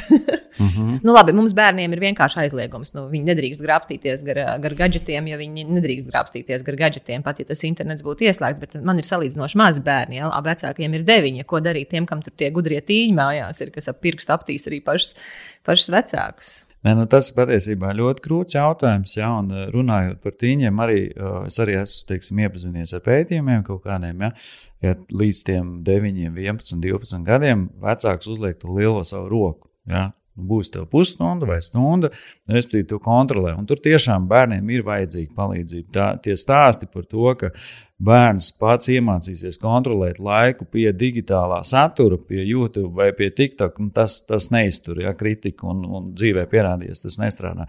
Tev ir tomēr, tā, nu, un, un tas arī ir tas lielākais izaicinājums, kad vecāki atnāk pie manis uz konsultācijas, viņiem par šīm lietām jautā. Vecākiem ir bailes atslēgt Wi-Fi savā, savās mājās, un tad man ir bez mazliet tāds nu, nosacīts terapeitisks darbs ar viņiem jāveic, jāiedrošina viņus. Jāsaka, jā, jums būs grūti. Bērns Iespagaisu. Iespagaisu ja, mm -hmm. nu, mhm. tā ir faktiski tā ir atkarība. Ja, gluži tas pats mazākā izteiktā mērā, bet atkal uz tā rēķina, ka bērnam, respektīvi, viņam jau nav noformējusies šī kritiskā domāšana. Ja, viņš, viņam ir šie aktīvi, šie emociju centri, ja, un tajā brīdī, kad tu viņam kaut ko ņemsi nost, un to mēs arī ļoti labi redzam, tu atņem viņam to telefonu, viņš uzreiz iet pa gaisu. Ja, viņš, viņš protestē, tas protests. Tās ir tie, tie ir protesti, tās ir manipulācijas, kas faktiski viņas var izvērsties kā divu, trīs nedēļu garumā. Tikai tad, kamēr šis jaunietis vai bērns saprot, jā, tagad nu, es ar to jauno realitāti, un tad viņš sāk mainīties. Un tad vecāki pamana, ka parādās brīva vieta, viņa nestāv tukša, bērns sāk interesēties par dažādām lietām, viņš sāk lasīt, varbūt pat grāmatas kurš, pirm, kurš pirms tam to atmet. Ja? Līdz ar to tur ir nepieciešama jā, tā, tā, tā vecāka lielā roka. Bet runājot par jauniešiem, jā, 13, 14 gadi, faktiski jau pieaugušs cilvēks, vecākam tā kā jau nu, viņš vairs nav autoritāte savam jaunietim, viņam interesē citas lietas, un ko mēs redzam tajā brīdī, telefona teiksim, lietošanas patēriņš 6-8 stundas dienā. Un tas ir āmet baznīcā. Ja, tas nozīmē, to, ka nu, faktiski šis, šis jaunietis, ja, lielāko daļu savu laiku pavada virtuālā vidē. Šobrīd runā par digitālo autismu. Ja, te, faktiski autisms, nu, ja mēs arī runājam par tādām nopietnām lietām, tās ir grūtības socializēties, grūtības komunicēt. Šis jaunietis nespēja pēc tam komunicēt normāli. Jā, viņš tikai var Vācijā kaut ko rakstīt. Jā, viņš, nu, respektīvi, visi tie nosacījumi, kas uh, līdz ar teiksim, tā digitālo atkarību radās. Jā, mums ļoti, ļoti pieauga uh, centrā jauniešu skaits, īpaši pēc jaunā gada, kad sākās visas šīs krīzes un tā saucamie ierobežojumi, jā, ka jaunieši netika ar saviem galā. Viņiem bija nepieciešama šī uh, socializēšanās, jā, teiksim, dažāda veida aktivitātes, un tajā brīdī, ja viņš Uh, viņam ir zūmā mācības, ja, un blakus viņam ir YouTube. Nu, YouTube ja. nu, jaunieši saka, jā, es visu ļoti labi saprotu, bet es nevaru ar sevi neko darīt. Man nospiežās tā roka YouTube. Ja. Tā ir atkarība. Mm. Tā ir atkarība. Labi, Tur par atkarībām vienmēr ja, var diskutēt, kas ir atkarība vai kas ir teiksim, kaut kāda noslēdz vai kā. Man ja, bet... ļoti patika, ka Kaspars Simonovičs teica, atkarība ir tur, kur beidzas tavs gribas spēks. Atkarība sākas tur, kur beidzas tavs gribas spēks. Un, ja es nevaru nenospiest to YouTube pogu, nu, tur mans gribas spēks ir beidzies. Nu, jā, un uh, tas, ko es ļoti, ļoti mēģinu teiksim, savējiem stāstīt, ja, internets ir tam, lai tu viņu izmantotu. Ja? Nevis internets izmanto tevi. Un, protams, bērni to nesaprot. Ja? Līdz ar to tā ir izglītība, izglītība, stāstīšana. Par maz par šīm lietām patiesībā stāsta. Mm. Par maz stāst par to, ka televīzija ir kaitīga kognitīvām spējām, par maz stāst to, ka telefons ir ļoti kaitīgs. Ja, daudz vecāki izvēlās to telefonu. Un, nu, jā, līdz pat absurdām uh, lietām. Teiksim, tas vislielākais nu, žēlums nosacīt par to situāciju. Tad, kad teiksim, arī nu, visu šo ierobežojumu laikā vecāki atved savu bērnu, tas varbūt pat varbūt tēvs. kurš atved, ja, un uh, tajā brīdī mamma pasaka, es ar viņu nesēdēšu. Ja, tēvs atved bērnu, lai viņam uzlabotu kaut kādas koncentrēšanās spējas. Māma ir tik ļoti aizņemta darbā, viņai tas darbs joprojām ir varbūt pat iespējams pat attālināt, viņa ir mājās. Bet viņa vīram tā arī pasaka, es ar bērnu nesēdēšu. Nu, runa ir, es ar viņu nesēdēšu pie mājas darbiem vai kā? Nē, nu vispār es ar viņu neko nedarīšu. Ja, tā ir tāda nu, tā ir tā sāpīgā puse, tā skumjā puse, ka tā vietā, lai vecāki nodarbotos ar saviem bērniem, ja, viņus nu, vienkārši būtu ar viņiem kopā.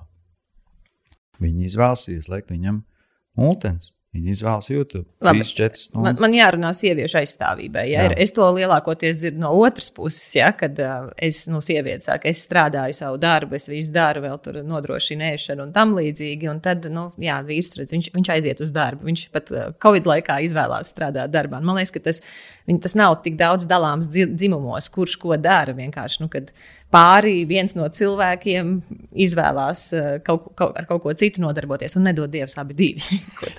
Noteikti, jā. Es jā, varbūt nebija diezgan tā ētiski norādot kādu specifisku dzimumu. Protams, vispār stāstīt par vecākiem. Mm -hmm. Jā, par vecākiem daudz lietas var sakārtot. Uh, tikai ar uzmanības palīdzību. Nu, tas, ka vecāki dod uzmanību. Bet vai tad nav bērniem. tā, ka mums pašiem kaut kādā veidā mēs esam vecāki, pieaugušie, pazaudējušies, ka mēs aizmirstam, kas tad ir tās mūsu vērtības?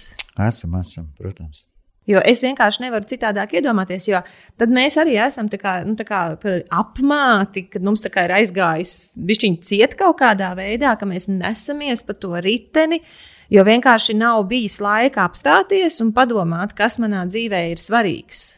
Un parasti, nu, kad tas notiek lielākoties ar cilvēkiem, kas ir piedzīvojuši kaut ko ļoti grūtu, piemēram, izira iepriekšējā ģimenē, ja, tad jau tas cilvēks kļūst uzmanīgāks. Manā gadījumā tā bija pretīga veselības diagnoze pirms mm -hmm. 11 gadiem. Nu, tā man ritīgi apstādināja. Un, un uh, tas, kas man regulāri baida, ir, ka es nonākšu turpat, ja es neņemšu šīs pauzes.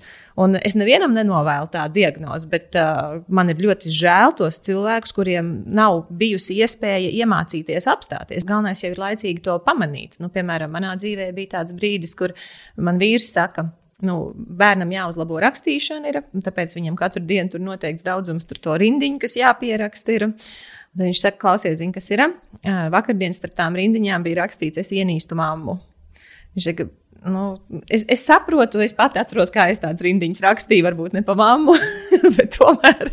Viņš saka, bet tā problēma ir tā, ka arī aizvakar ar tur starp tām rindiņām bija tāds teksts. Un tad tas ir tas momentānais, nu, kā es sev esmu iestatījusi, tas ir mans stopkrāns uz to brīdi, nu, ka es nolieku visu pilnīgi visu uz pauzes, un es tad sāku sev uzdot tos jautājumus, kas man ir svarīgi. Mm -hmm. nu, kā, ko mēs tālāk darīsim? Nu, un, protams, mēs tur mēs gan runājām ar bērnu, mēs arī abi izstrādājām nu, tā kā, tā kā rīcību, kas mums savā ģimenes dzīvē ir jāpamaina.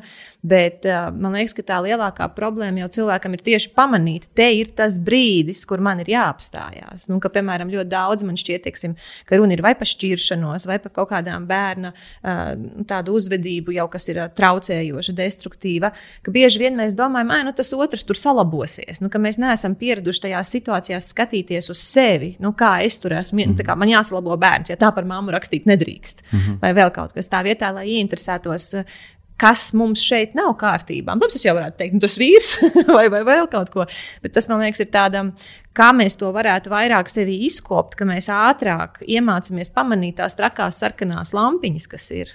Mm -hmm.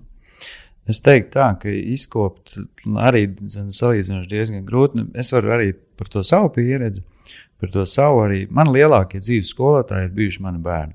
Un tiešām tā nav klišejiska frāze, bet to es varu gan teikt, vērojot sevi, savu teiksim, tādu izaugsmu, ja, un arī to domāšanas stilu un domāšanas veidu, kādā es esmu mainījies. Ja, ja man kādreiz, manos 20 gados, pateikt, ka man šobrīd ir četri bērni, ka man būs četri bērni, es tam nekad, nekad mūžā. Nekad mūžā es tam neticētu. Un, un, jā, un līdz ar to katrs bērns, kurš ir ienācis pasaulē, viņš man ir mācījis. Viņš man ir mācījis, mainīties pats. Jā, mainīties pats. Uh, tur ļoti labi arī dzen, uh, man noteikti palīdzējuši kādreiz tā saucamā nu, sistēma fenoloģiskā izpratne par to, ka uh, ģimene vai kāda veida kompānija vai kāda vide, tā ir pēc būtības sistēma. Un tajā brīdī, kad tu vēlies šo sistēmu mainīt, faktiski tu esi gan vājais posms, gan arī spēcīgais posms. Un vājais esi tas dēļ tā, ka tu saproti, ka kaut kas ir jāmaina, pārējie tam nav gatavi. Ja? Tāpēc tu esi, tu esi vājais? Jā, tāpēc tu esi nosacīts vājais, jo tu to nespēji izturēt. À, tu esi vājais eksistējošajā sistēmā. Jā, jā tu mm -hmm. esi vājais posms, un, un, un, un tā ir tāds, varbūt, iespējams, dažreiz grūti saprotama lieta. Tu esi vājais, un no otras puses, tu esi visspēcīgākais posms savā tajā sistēmā. Kāpēc?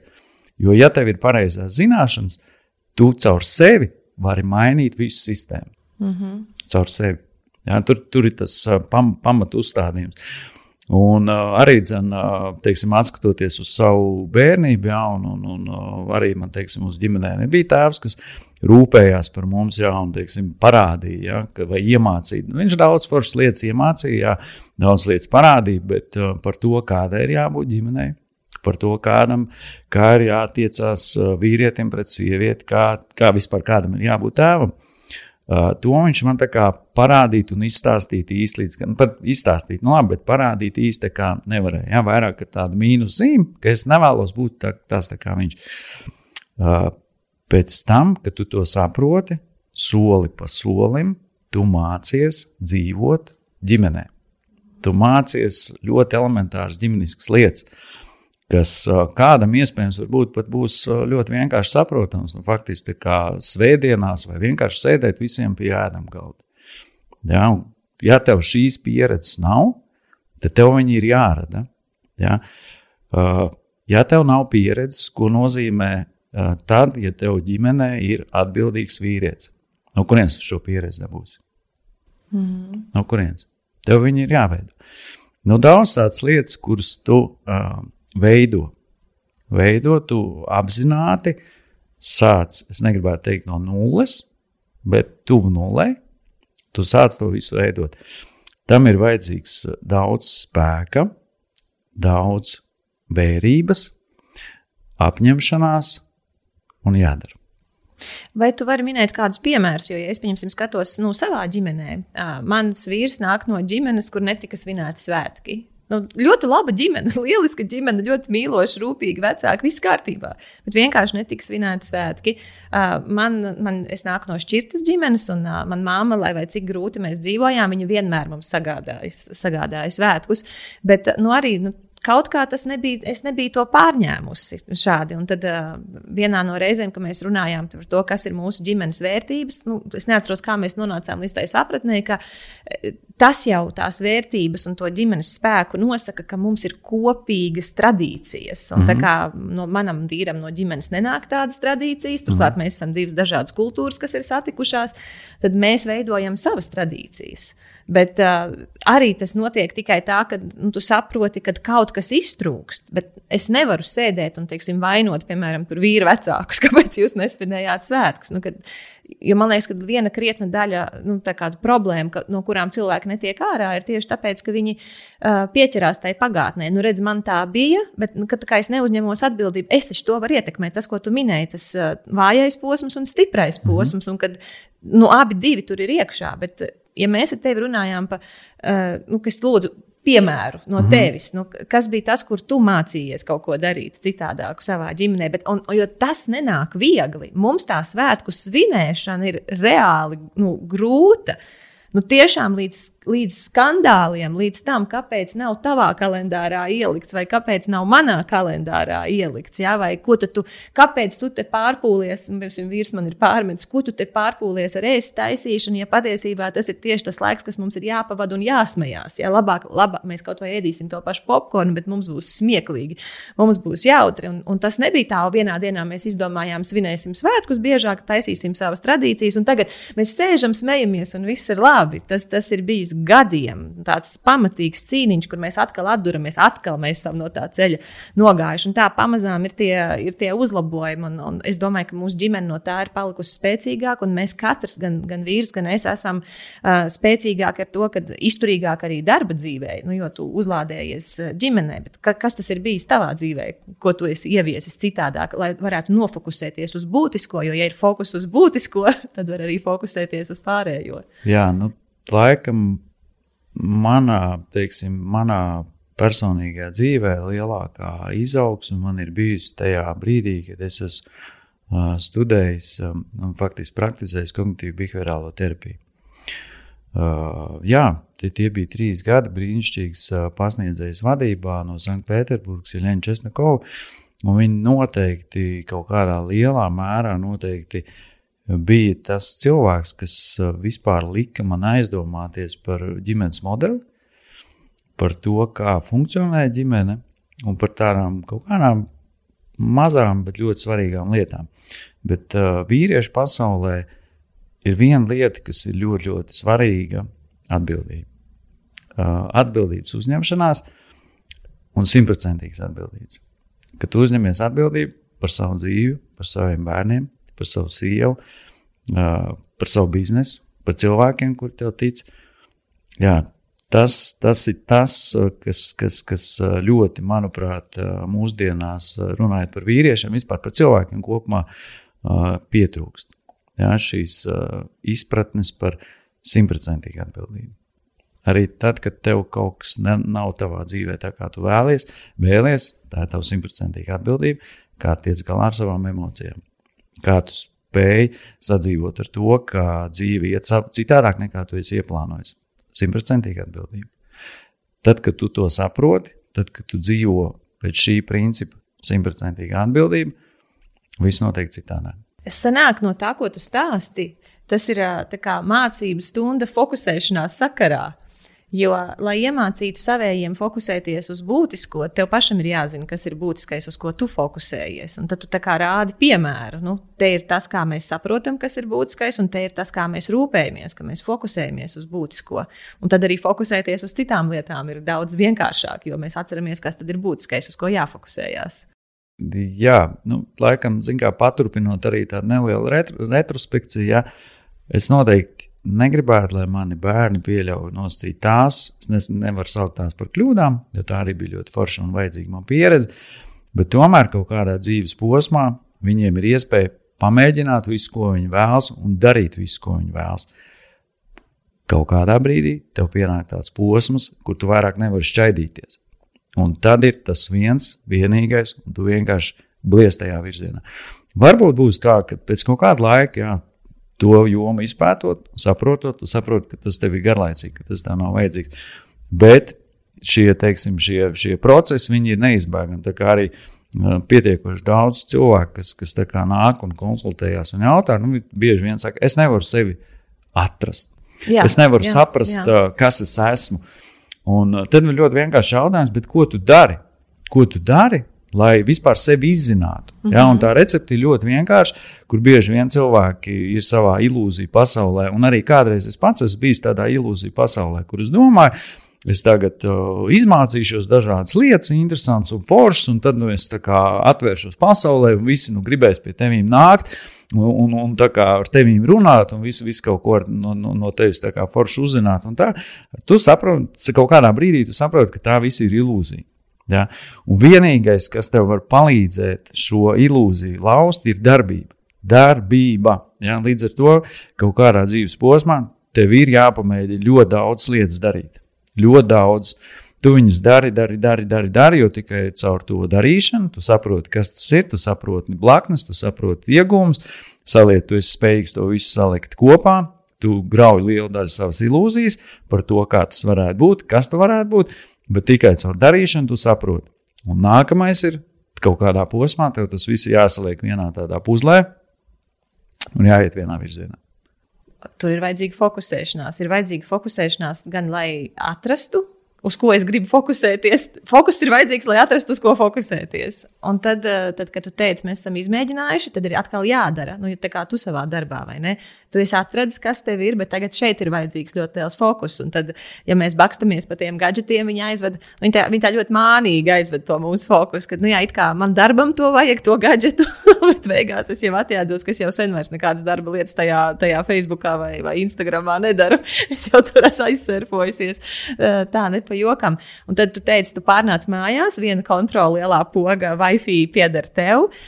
Kas ir vēl tas, kā tu nodrošini, ka tu to gadgetu lietas malā? Nu, kā, kas ir tā tava sistēma, ko cilvēki varētu pārņemt?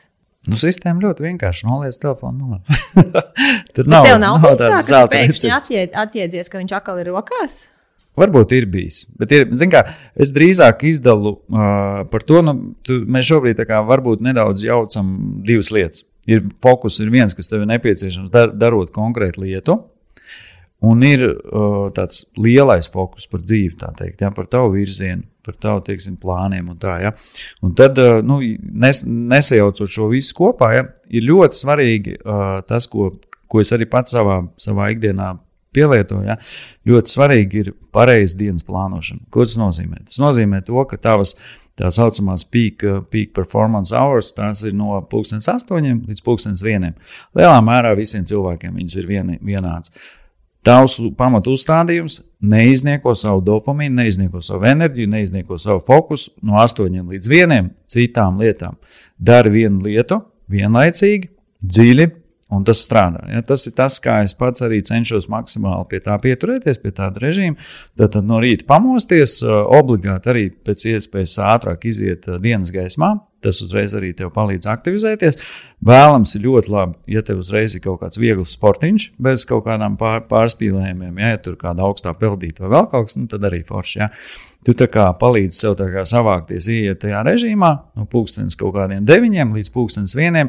Ir ļoti intensīvs darbs, kad tu strādā ar projektiem. Tur, tur kur tev ir tiešām jābūt ļoti, ļoti fokusētam. Ja?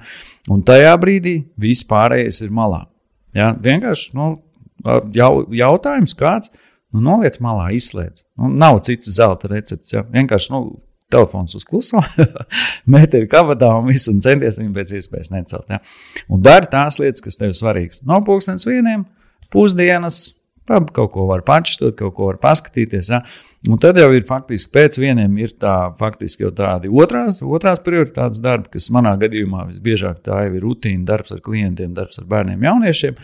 Un tad uh, vakars, 7, 8, un tad, jā, tad vēl tu kaut ko nedaudz vari kā, sev kā, to, to, to laiku veltīt. Jā, un tad arī ir tā, atbrauc mājās. Nu, nav jau tā, ka es uzreiz visiem zaudēju, ja teiksim, Wi-Fi ārā. Un, nu, tā, tā nav gluži. Ja. Visi esam normāli cilvēki, bet nu, es vairāk par to, ka ir nepieciešams uh, skatīties, vērot šīs lietas ģimenē, mājās. Ja. Gan attiecībā uz sevi, un tāpēc, ja es kaut kādā brīdī skatos, un mans mazais divgadnieks pienāk un saka, lietas nost, es lieku nost. Ja, tā ir tā tā apziņotība. Ja. Tā, tas ir tas, kā tu vari sev palīdzēt. Tas ir tas, nu, kā, nu, vienkārši klausies, nu, tev bērns pasakā, nu, noliec. Nu. un no tiem astoņiem līdz vieniem, kā tu, kā tu tad dari? Tev ir kaut kādi, tu teici, ar bērniem tu sāc strādāt pēc diviem, jā? Pēc nu, vidēji, jā, jā, jā, jā. Un uz ko tu koncentrējies laikā no astoņiem līdz vieniem? Ziniet, kā šobrīd patiesībā ļoti, ļoti gana daudz ir viss kaut kas. Mēs esam sociāli aktīvi. Ja mums ir vīru kustība, tad mēs tad tajā jomā tur kaut ko ja, darbojamies. Tad es esmu vēl um, daudz bērnu ģimeņu biedrības valdes priekšsēdētājs, tajā jomā man sanāk. Tad ir centra vadītājs, metodoloģija, darbinieku apmācības, um, vēl viss, nu, vesela virkni dažādu lietu, par kurām tev ir jādomā. Un, Un tas jau nav tā, ka zin, tu esi valdes loceklis kādā lielā uzņēmumā, un tad eh, tev vienīgais ir eh, mācīt, parādīt, ok, vai nav ok. Jā, un, un tev padot, ja nesam visu kaut ko stāstīt. Tās tādas visādas teiksim, aktivitātes, kur tev pašam ir jābūt simtprocentīgi ieslēgtam. Ja? Runājot par centru, tad, protams, nepārtraukts darbs pie pašizglītošanās, pie mācībām, pie, pie teiksim, satura radīšanas, pie metodoloģijas, jā, un, un, un šobrīd arī esmu atsācis stradiņos. mācīties. Ja, līdz ar to nu, gana daudz, un, un visam pat tā laika nepietiek. Ja, līdz ar to tas primārais uzdevums ir tiešām mācīt sevi pārvaldīt, un, un, un mācīt fokusēties un mācīt darīt vienu lietu vienlaicīgi. Un šīs zināšanas ļoti, ļoti noder. Jā, ja nē, es noteikti simt punktu. Es domāju, ka nu, tu vienkārši nevarētu to pavilkt. Jā, un pirmā tā galvenā doma ir tā, ka nedrīkst šķaidīties. Mūs, mūsdienās tas, manuprāt, ir ļoti, ļoti uh, svarīgi visiem. Ja? Saprast, kas ir tavs fokus, kas, kas tev ir jādara, ja? un vēl jau vairāk darīt pareizās lietas pareizā laikā. Ja tu dari pareizās lietas pareizā laikā, viss tevī ļoti harmoniski strādā. Taviem klientiem, tad, kad tu ar viņiem strādā attiecībā uz fokusu uzlabošanu, Jā. kas ir tas uh, tipiskākais, ko tu labo viņu ikdienā? Kā tu teici, darīt pareizās lietas pareizā laikā, lai tas viņiem palīdz ar labāku fokusu būt. Jā, nu Pirmkārt, jau tādas vispārīgās konsultācijas par ļoti vienkārši saprotamām lietām. Jā, tas ir pirmais, ar ko vispār tiek sākts darbs. Tātad parunājam par miegu, kā tu gulēji, kāda ir dinamika miegam, jā, kā, kā labāk darīt. Tad ir bieži vien cilvēki arī nu, sūdzoties par fokusu, ja par spēju koncentrēties. Viņi īsti tā kā viņi redz tikai tos simptomus un sekas, bet viņi neredz to, ka patiesībā tam, ka grūtības fokusēties, tātad tās ir nevēlamas attiecības ģimenē, darbā vai vēl kaut kas. Nu, viņi tā kā saprot, jā, man ir grūtības sakārtot savas domas, grūtības kā, darīt tās lietas, kuras es, es daru, bet viņi nesaprot to, ka tam ir daudz tādi dziļāki. Jā, tie, tā kā, nu, es, pat, bet es pat teiktu, tā nevis, ka nesaprotu, viņi to nojauš, bet viņiem ir vajadzīgs kāds cilvēks, kurš viņiem to pasaka. Ja, un tad cilvēks man atnāk, viņš tā kā stāsta, tā kā man notiek tas, man notiek tas, es tur to un to. Un tad es viņam tā dodu to atgrieznisko saiti, vai es pareizi sapratu, ka. Ja, un tad viņš saka, o, jā, laikam jau tev ir taisnība. Ja, un bieži vien ar šīm vienu, divām reizēm, tādām konsultatīvām, faktiski jau pietiek, ka cilvēks saprot, ar maniem viss ir kārtībā, vai man, kas man ir jādara par ko man ir jārūpējas. Un, un, un, jā. Bet, ja mēs runājam par tādiem cilvēkiem, kam ir nepieciešams šīs teiksim, fokusēšanās prasmes jau tādā dziļākā līmenī, un šobrīd ir teiksim, pie manis nāk eh, no Latvijas pistoļu šaušanas federācijas. Tur, kuriem tiešām vajag koncentrēšanās, kuriem tiešām vajag koncentrēšanās. Ja? Un tad tur ir tā, ka faktiski mēs sākam ar biofeedback, ja, tā kā pieslēdzam, pastamies, cik tev izdodas šo koherentu elpošanu, cik cik, cik, cik tu māki. Ja? Tas viens otrs ir to, to ka mēs arī paskatāmies uz sirdsrīnu variabilitātes rādītājus. Ja? Un arī dzene paskatāmies, nu, kā tev vispār izdodas, vispār, nu, kāda ir tava, teiksim, elpošanas kapacitāte. Jā, jo tā galvenā problēma jau, kāpēc mēs arī bieži vien teiksim, esam tādā satrauktā un defokusētā režīmā, mēs vienkārši nemākam pareizi elpot. Pareizi. Un tas būtu kā? Uh, ieelpojam caur degunu, izelpojam caur muti, respektīvi, ēdam caur muti, elpojam caur degunu. Galvenā doma - elpojam tikai un vienīgi caur degunu, izelpa vienmēr garāk par ielpu. Vienmēr, ja, tad tu tādā pārējā, tādā, tādā miera režīmā. Un otra lieta, nu, patiesībā jau tāda pašpārvaldes instrumenta mums nav daudz.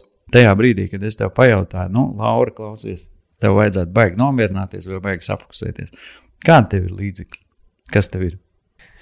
Nu, protams, kad es izmantoju elpošanu. Nu, bet, tas, bet tas ir atkarīgs no nu, kādos es esmu apstākļos. Jo, ja, piemēram, es esmu mājās un es esmu tiešām reāli, reāli uzvilkusies, nu, tad mums ar vīru ir tradīcija otram izsniedz botus un saka, ej, skraidi vai staigā, nu, un tad mm -hmm. nāk mājās. Mm -hmm. Bet, eh, jā, jā, ja es esmu, teiksim, nu, tā kā tagad Rīgā, kur ir viens cilvēks pēc otra cilvēka, un ja kaut kas man ir satraucis, un vienīgais instruments, kas ir manā rīcībā, nu, tā ir mana elpa. Mm -hmm. Uh, varbūt nedaudz papildināšu, vēl otrs uh, spēcīgais instruments ir tavs acis. Jā, lūdzu. Jā, un uh, tajā brīdī, respektīvi, tas jau par ko zinātnieki ir daudz jau sen jau arī atklājuši, faktiski, ja, ka mm, acis lielā mērā parāda uh, gan tavu uh, tā brīža fokusēšanos, ja, uh, jo faktiski tad, kad mēs esam uh, izbijušies, tad, kad mēs esam stresā, mums ieslēdzas tā saucamā tuneļa redzes. Un tu ļoti viegli vari iemācīt un dot sev iespēju relaksēties, ja ieslēgt tā saucamo panoramic vision. Ja, kas ir patiesībā ļoti viegli. Un, es redzu plaši. Jā, tu redzi plaši, jā, un tajā, tajā brīdī tev amigdala nomierinās. Tur ir vesela virkne arī pētījumu. Arī pēc tavu zīlīšu apkārtmēra ir iespējams noteikt tavu, teiksim, to uh, slogojumu galējo robežu. Tad, kad tu tiešām, es teiksim, vari dot kaut kādu, pildīt kādus matemātiskos uzdevumus un pētīt tavus, teiksim, zīlītes, ja, un kaut kādā brīdī es a, spēšu vismaz 5 sekundes iepriekš pateikt, visu šo uzdevumu tu vairāk nerisināsi. Un kāpēc? Jo faktiski tavas zīlītes paplašināsies, viņas parādīs, ka tu jau esi sasniegusi to augšējo stresa robežu. Tā kā tā ir, tās ir tādas faktiski tehniski, tehniski lietojamas, ja pielietojamas lietas ko faktiski tu arī ar neirofeedbacku, jā, ja mēs nu, tagad arī tādu nedaudz dziļāks ekskurs, jā, tātad trenējot sensormotoro zonu šeit, jā, kas atbild par aktivitāti, un, un, un tieši ļoti daudz pētījumu ir, kas tieši neirofeedbacks palīdzēja bērniem ar hiperaktivitāti un grūtības nofokusēties un nomierināties. Jā. Faktiski tas, ko tu mācies, tuvumā ieslēgt panoramiku vision. Ja? Tātad tu sēdi, nu, respektīvi, tev jau nav kur skatīties tajā panorāmā, ja? bet tu sēdi šeit un tu viņu māki ieslēgt. Ja? Un tas ir par to, ka tu tādā veidā iemācies prasmju, prasmju un iemaņu līmenī pārvaldīt savu organismu. Ja? Tad, kad tev ir vajadzīgs, tu ieslēdz šo fokusu, tad, kad tev tas nav vajadzīgs, tu iemācies to defokusēt. Ja? Tad, kad tev ir nepieciešams to ar elpošanu, tu vari sevi, kā teikt, uzkurbulēt, tad, kad tev ir nepieciešams, tad tu atkal vari iemācīt, jeb ļoti ātri panākt, ka tu tiešām relaksējies. Un tad jau tev nodara šīs prasmes un iemaņas, kuras tu esi faktiski, nu, es teiktu, guvis ar ierīcēm. Jā, vai nu arī meditējot. Jā, bet nu, ierīce vienkārši ļoti, ļoti palīdz uh, iemācīties to visu saprast. Tādā, nu, jā, tad, tas, ka tu pats saproti, nu, kā tad ar maniem īsti ir. Es māku meditēt, es māku fokusēties. Ja? Šobrīd mm, arī tāds uh, diezgan augsts trends ir tā, saucamais, um, ne, tā saucamās neiromeditācijas. Jeffrijs Tarants arī nu, tāds amerikānis. Viens, Kā tu uzvārdu? Jeff, Jeffrey Tarant. Jā. Jā, un kā, nu, viņš tur diezgan ir arī pastrādājis šajā jomā. Nu, arī tas stāsta par to, ka pat tā patiesībā esot, nu, mēs jau šobrīd esam visi tādi ļoti avansēti. Ja? Mēs visi meditējam, visu kaut ko mēs darām. Ja? Mēs tad, visi domājam, ka mēs meditējam. Jā, mēs visi domājam, jā, mēs visi domājam ka mēs fokusējamies, un mēs visi domājam, ka mēs meditējam. Jā, mēs vēl visu kaut ko daudz domājam. Bet tiešām šīs iekārtas palīdz parādīt, nu, tiešām izdevies tev sasniegt šo, šo veselīgā fokusu stāvokli, ja, vai šo veselīgos, teiksim, vai, nu, es nevaru teikt, pareizās vai nepareizās meditācijas, jebkurā gadījumā mm. jums nāk mm. pa labi. Ja. Bet tomēr nu, tādiem cilvēkiem, kas ir avansēti un vēlas kā, sev tā kā, tā kā izaicināt, jā, tad tu tiešām to vari pārliecināties. Jā, nu, izdodas tev to alfa-teta stāvokli sasniegt uh, vienā minūtē, jā, jo beigās jau kur tev tās prasmes nodara. Prasmes nodara tā, tur, ka tu, uh, tu esi tas uh, spēcīgais posms, jebkurā sistēmā, jebkuros apstākļos. Lai kas notiek, ču, mm -hmm. vienalga. Un tu to māki. Ja? Un tāpēc uh, meditācija, meditācija par to šobrīd runā visi.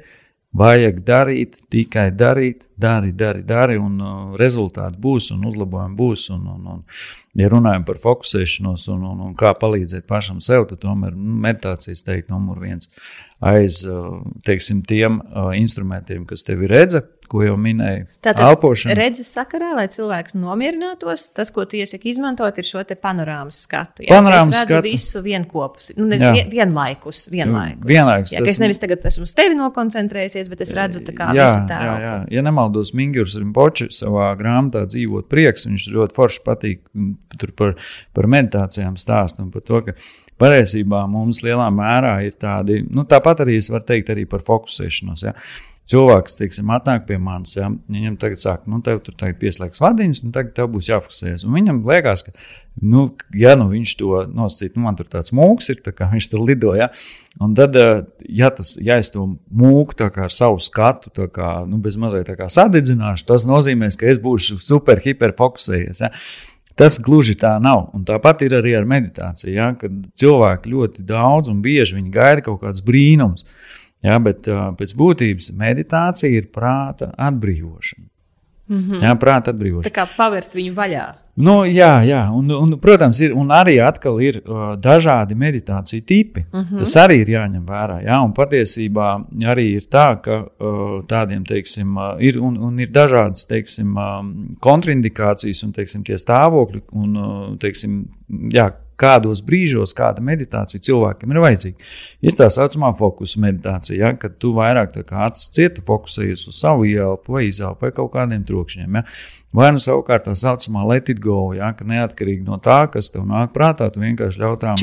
Nu, jā, jā, jā, tā kā palaist. Bet tā galvenā tā, tā ideja un, un tā doma ir par to, ka neko negaidīt, neko nesagaidīt. Tas ir tas, kas mums traucē nokļūt tajā nākamajā stāvoklī. Un tieši tā ir tā problēma, kāpēc cilvēks atnākot pie manis, viņš jau gaida no manis kaut kādu brīnumu. Viņš pēkšņi domā, ka tas, tas, viņš tagad iemācīsies meditēt, un viņš pāries nākamajā līmenī.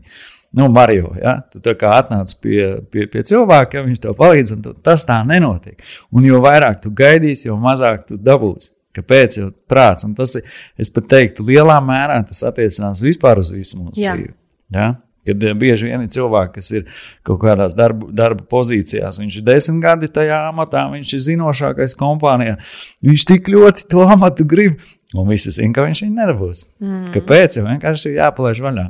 Un tā ir daudzām lietām. Ja? Kaut kādā brīdī tev ir nepieciešams gribas spēks, darīšana, tā, bet kaut kādā brīdī tam atkal ir jāspēj palaist vaļā. Mm -hmm. nu, krietni daļa cilvēku aizmiega, tad, kad viņi cenšas meditēt. Un tu teici arī, lai mēs varētu labi fokusēties, mūsu miegam ir jābūt uh, pietiekamam. Un tā nu ir viena no tādām sāpīgām lietām, ko mēs konstatējām, tad, kad mēs aptaujājām cilvēku jaudas uh, auditoriju, kas ir tās būtiskās lietas, ko jūs gribat mainīt.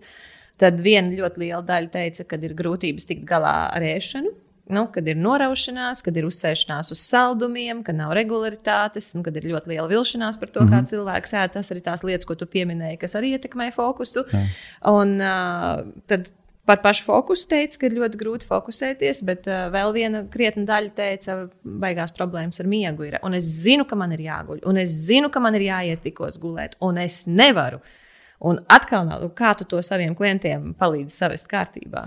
Jā, ar miegu laikam arī ir ļoti līdzīgi kā ar telefoniem. Par maz par to stāsta preventīvi. Vispār izglīto cilvēkus par maz. Par maz stāsta par to, cik patiesībā miegs ir svarīgs. Tā kā nu, visi guļ, saprot, ka pavadīja kaut kādā nosacītā bezfilmu stāvoklī 8, 9 stundas, un visiem liekas, ok, nu kā, kā nu kurš. Ja? Bet uh, arī dzen, uh, ļoti maz stāsta izglīto, kā jau teicu, ja, un tas uh, primāri, kas būtu jāzina par miegu, ka miegs, uh, miegam ļoti patīk regularitāte. Mm -hmm. ja, tātad vienā laikā ejam gulēt, vienā laikā ceļamies. Tas ir laikam tāds numurs viens. Nu, protams, jau pēc tam jau ir nākamie visādi veidi ieteikumi, tur, teiksim, izveidināts telpas. Uh, Un, un, un kas tur vēl, teiksim, tumšs aizskar, visi gadgeti, protams, prom, visas kaut kādas uh, lampiņas, vismazākās uh, arī slēdzam mm -hmm. ārā. Tas viss tu, ir jau pierādīts, tas viss, teiksim, ietekmē miega kvalitāti. Bet, um, jā, tas, tas uzsvars būtu par šo cilvēku izglītošanu. Uh, joprojām Latvijā nav miega koči kas uh, pasaulē, Amerikā ļoti, ļoti tā, teiksim, arī pieprasīta profesija. Mm -hmm. Arī salīdzinoši šobrīd um, arī nav tādu izteiktu uh, miega speciālistu, kuri izglītotu cilvēkus preventīvi. Jā, tas nozīmē, to, ka lielā mērā, jā, iegūlējot uh, internetā, kas ir nepieciešams uh, kvalitatīvam miegam, mēs varam atrast, ka tur ir divas stundas dziļais miegs, divas, uh, divas stundas remmiegs. Tā ir tāda, tāda ļoti kvalitatīva faktiski miega rādītāja. Bet uh, ar cilvēkiem neviens nestrādā. Viņiem par to neviens nestāsta. Tad mēs pabalējam, tad mēs kaut kur aizējam, tad mēs kādā brīdī palasām kādu grāmatu. Uh, visbiežāk tā ir piekdiena, sestdiena, svētdiena. Pēkšņi trešdienā mēs nesaprotam, kāpēc mēs sūdīgi jūtamies, ja, kāpēc mēs slikti jūtamies. Ļoti vienkārši tikai tā vien, ka piekdiena, sestdiena, svētdiena tu biji tur, darīji to. Gulēt aizgāja 12. panākti. Bet par to tā. maksā trešdienā. Jā, bet tu par to maksā trešdienā. Un ir ļoti daudz uh, lietas, kas, teiksim, skar cilvēku teiksim, tādu uh, psihikas veselību, kur man ļoti patīk šī metāfora, kas patiesībā nav metāfora, bet ļoti reāls stāsts no iezemiešiem, kuri uh, nodarbojoties ar seksu, uh, jā, nesaprata to, ka pēc deviņiem mēnešiem rodas bērns. Ja? Un viņiem likās, ka, nu, mīlestība, mīlestība, visi baigi forši, visi patīkami, bet bērns nāk no debesīm. Ja? Bērni nāk no debesīm. Un runājot par psihiskās, teiksim, veselības tādiem pamatlikumiem, nu, brīžiem man liekas, ka mēs ļoti līdzīgi. Ja? Nu, mēs ne, tiešām arī es pats par sevi, ja? domājot, Citreiz nu, pamodies, nu nav, nu nav, nu nav enerģijas, nav spēka. Ja? Nesoties uz to, ka tu ļoti daudz ko zini, tu kā nu, plus mīnus iepriekšējās dienas esi plus mīnus veselīgi ēdz. Nu, kaut kas nav. Jā, kaut kas tāds neiroķīmijas kokteilī, tev kaut kas tur nav saslēdzies. Jā. Bet, protams, jo vairāk tev ir tā zināšanas par to, cik teiksim, svarīgi ir regulāra pieeja, cik svarīgi ir tomēr ievērot šīs visas lietas un principus, nu, tad tu sap, saproti, jā, kad nu, sāc atcerēties, ah, nu, ok, jā, tur es tur kaut ko tur pa daudz, tur cukuru vai ko tur, jā, nu, tādas lietas. Nu, tā.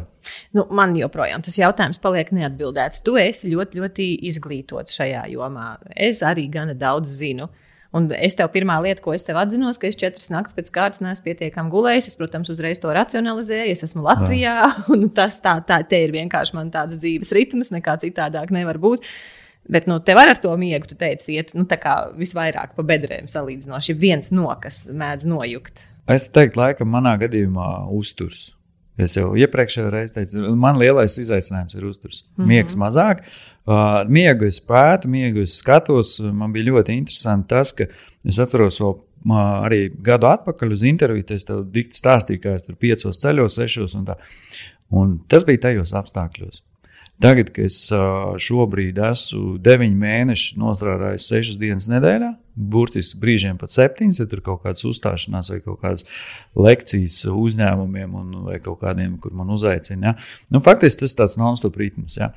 Un ļoti uh, interesanti bija pavērot pašam miegu. Vēl jau vairāk šī teiksim, visa sociālā, so, sociālā distancēšanās parādīja man to, ka mans laiks, kad man ir jāatcerās, ir pusaustoņi.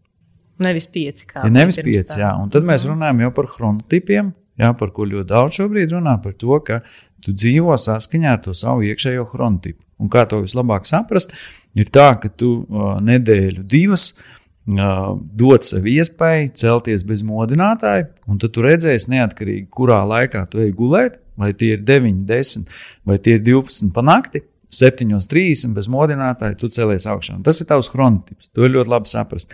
Jo uh, visas reizes, kad tu celsies pirms vai pēc sava chronotipa, tas ir skaidrs, ka, ka tu savu organismu nedaudz piespiedi strādāt pēc cita ritma, pēc cita pulksteņa. Un tur viss būtu ok, tu visu vari iemācīties, visu vari uh, sargulēt tā, kā tev vajag, bet tajā brīdī, ja tu celsies piecos no rīta, enerģijas piet, piet, pietiks tev mazāk, spēka būs mazāk. Tev noteikti būs vajadzīgs spēks nauda, tas saucamais powernaps. Uh, ja tu dzīvo saskaņā ar savu chronotipu, tu bliez 12 stundas dienā un ļoti komfortabli iekšā jūties. Ja? Respektīvi, tu neesi tik viegli izsitams, tu neesi tik viegli izdedzināms. Un tā, bet, uh, lai to saprastu, jā, tad, tad uh, nedēļa, divas nav vietas, uh, ceļamies bez modinātāja. Protams, iepriekšējā dienā nu, nu, jā, nekādas ballītes, nekādas pārmērības, jo, protams, tas arī jā, ietekmē miegu. Ja. Un tad, ja tu saproti to savu chronotipu, tad tomēr centies pielāgot savu dzīvi tam tavam chronotipam. Ja? -hmm. Nemēģini sev iestāstīt, ka tev ir jābūt tam, kas tur ceļās piecos no rīta, ja tev nav tāda vajadzība. Jā, kādreiz man tāda, tā bija ļoti aktuāla vajadzība. Bērni, visi ģimene devās uh, skolas gaitās, ja? tā tad no 5 līdz 7 vienīgais laiks, ka tu varēji pabūt uh, pats ar sevi. Ja? Un, un, un, un arī teiksim, tas noslogojuma līmenis varbūt bija tāds, viņš bija pietiekoši noslogots, bet ne tik. Mm -hmm. ja? Jo tomēr nu, jā, darbs ar cilvēkiem un īpaši bērniem, jauniešiem Tas ļoti daudz paņem enerģijas, vispār teiksim, cilvēku konsultēšanu. To tu ļoti ātri saproti, kad ir jādomā vairāk par sevi arī. Mm -hmm. Tad tā. tā pirmā lieta, ko sarunas laikā tu teici, mēs pa daudz, mēs pa daudz izpumpējamies, mēs pa maz atpūšamies. Jo viena no lietām, kas mums palīdzētu fokusēties vairāk, ja mēs būtu vairāk atpūtušies. Jā. Uh, un tad mēs runājam par to, ka nu, to atpūtu savā ziņā traucē arī tie gadgeti. Jo man liekas, ka es atpūšos, es tur sēžu dīvānā, izgāzusies un, uh, un skatos tajā savā gadgetā, bet tad jau tā nav gluži tāda atpūta, jo galva man neatpūšās. Ne. Uh, es tev pateikšu tā, ka arī tur ir īsā versija un ir garā versija. Respektīvi, nedaudz īsi par garām lietām. Ja? Tātad trīs, trīs tādi neironu tīkli. Ja, ir uh, default networks, tas ir tad, kad tu uh, nosacīti, tu neko nedari. Uh, visbiežāk mēs domājam par mūsu ģimenēm, par kaut kādiem svarīgiem cilvēkiem. Vēl tajā brīdī mums atnāk ļoti foršas idejas. Ja, tās idejas, kuras tu ne, nemeklē ar prātu, tajā brīdī viņas atnāk. Tad ir uh, vēl divi citi svarīgi. Ir tā saucamais task network, jeb uzdevuma risināšanas networks, ja, un ir trešais informācijas patēriņš. Tīkls. Ideja ir tāda, ka šie ir visi ļoti būtiski svarīgi neironu tīkli. Kopā mums ir aptuveni 150, un trīs no viņiem ir tādi svarīgākie. Viņi atņem tev visvairāk enerģijas. Mūsdienās tā lielākā problēma ir tā, ka mēs pēc tā saucamajām task network ja, darbības, tad, kad tu reāli risini uzdevumus, tad, kad tu esi tādā operatīvā darbībā, ko mēs visbiežāk darām, ieslēdzam informatīvo. Nu, telefoniņš, un tā mēs sākam. Un mēs faktiski tā liela, nu, jā, tā, tā būtiskākā tā, tā, tā, jā, tā sakne ir tā, ka mēs no tā viena networka uz otru. Un nemaz neizmantojam šo default modu network, kas faktiski ir šis stāvoklis, ka tu neko nedari. Ka tu neko nedari. Un, jā, un, un tajā brīdī tev radās vislabākās idejas. Jā, tie ir tie mirkļi, ka wow! Es sapratu, ja tu iepriekš vari divas, trīs stundas sēdēt ar prātu, kaut ko mēģināt atrisināt, tu nedabūsi. Tu nedabūsi. Prāts ir ierobežots. Prātam nav daudz atbildžu, viņam ir tik daudz, cik, cik viņam ir. Bet šis default mode network viņš nepārtraukti strādā. Ja tu viņu darbini, ja tu viņam dod laiku, līdz ar to mūsu galvenais uzdevums ir ļaut savam smadzenēm darīt, risināt lietas tavā vietā. Nevis ar prātu, ja, bet izmanto visu to lielo kapacitāti, ja, izmanto visu to.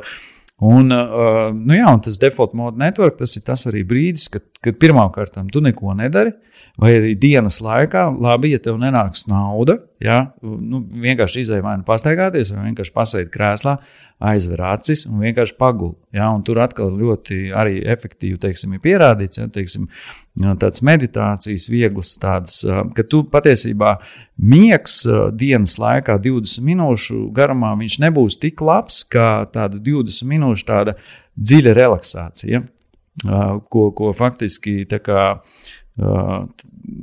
stāst par to, ka jā, tā ir tā non-sleep, non deep relaxation. Faktiski tu nedrīkst aizmigt, bet tev jābūt pietiekuši dziļā relaksācijā.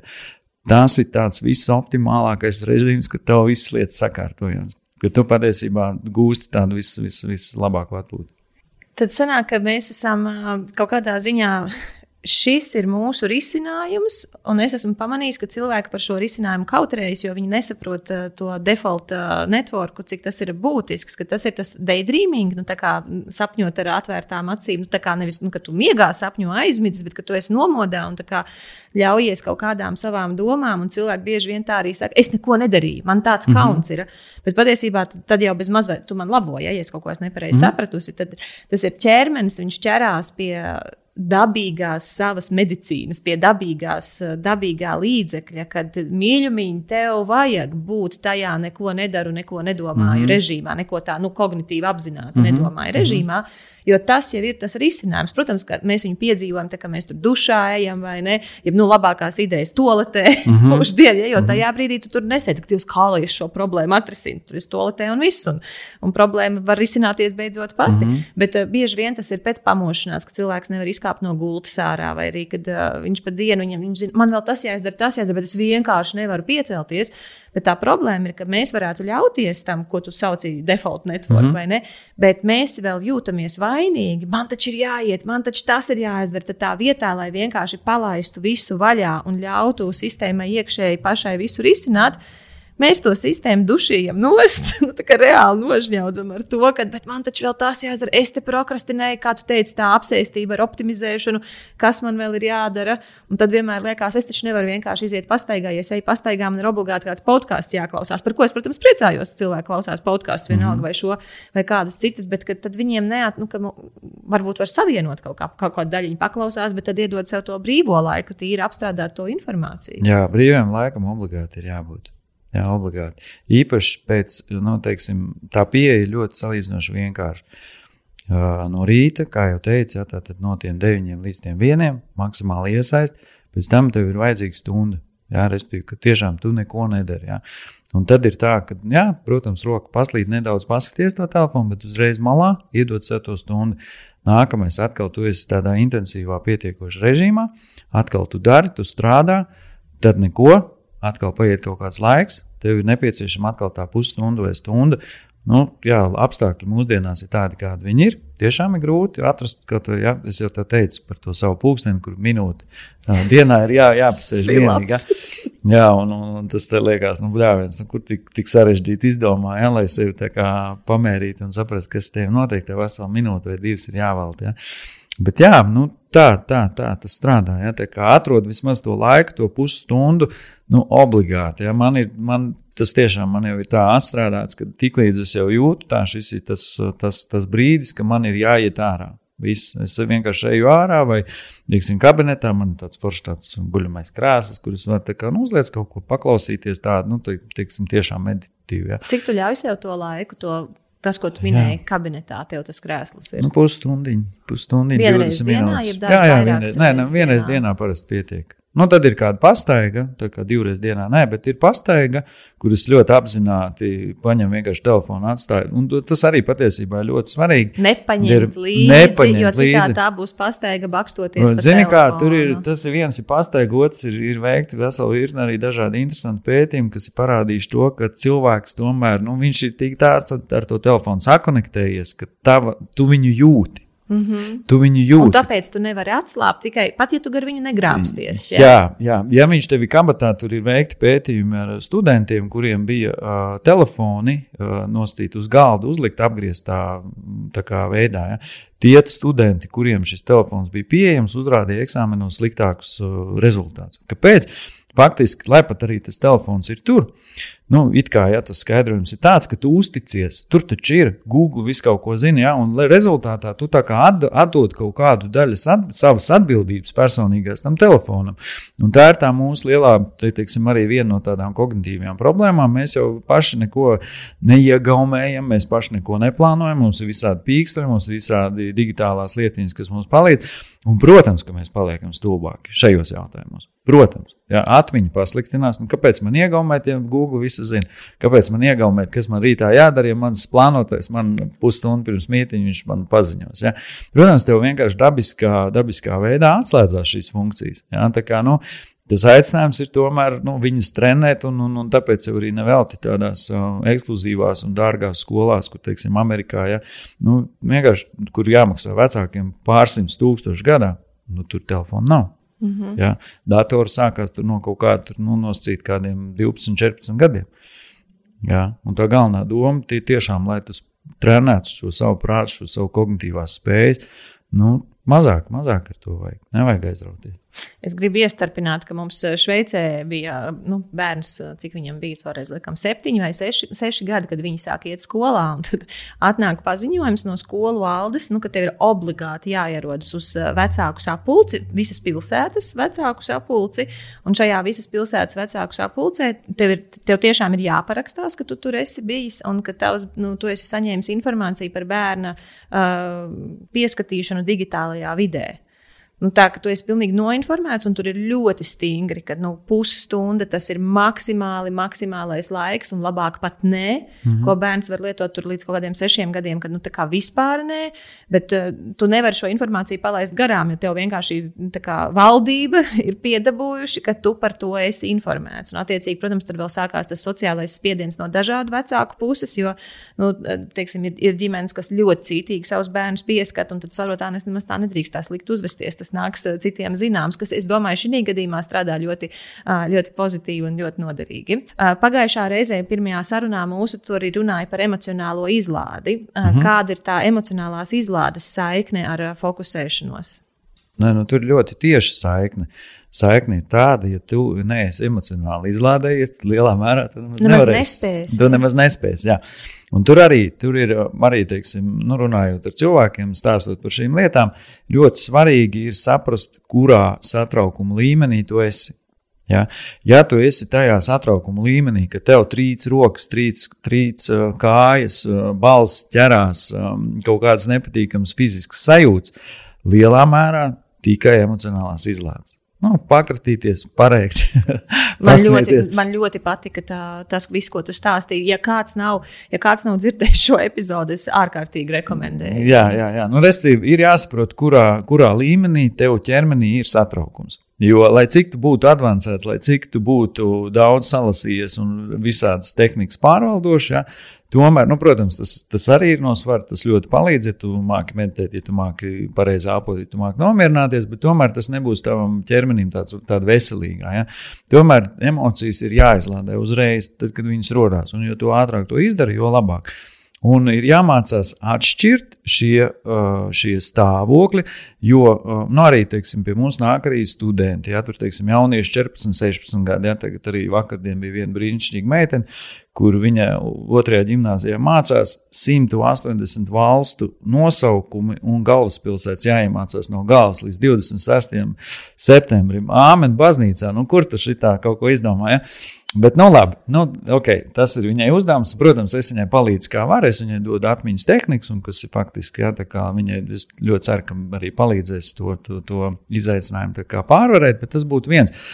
Un tad arī, teiksim, nu, studenti bieži vien, ja pirms eksāmeniem kaut kāda satraukuma, kaut kāda druģa. Nu, nebūs tajā brīdī, ja tev ir šī ieslēgusies trīce, šis, šis teiksim, nepārliecinātība par sevi, ja tu mēģinās sevi nomierinies, nomierinies, elpot, tas nestrādā. Tajā līmenī tas nestrādā. Ja tev ir šis te, ka tu tā kā nezini, ko darīt, ko, ko, kur man sevi likt, tad tikai faktiski ar šo ārā arī vari viņu dabūt.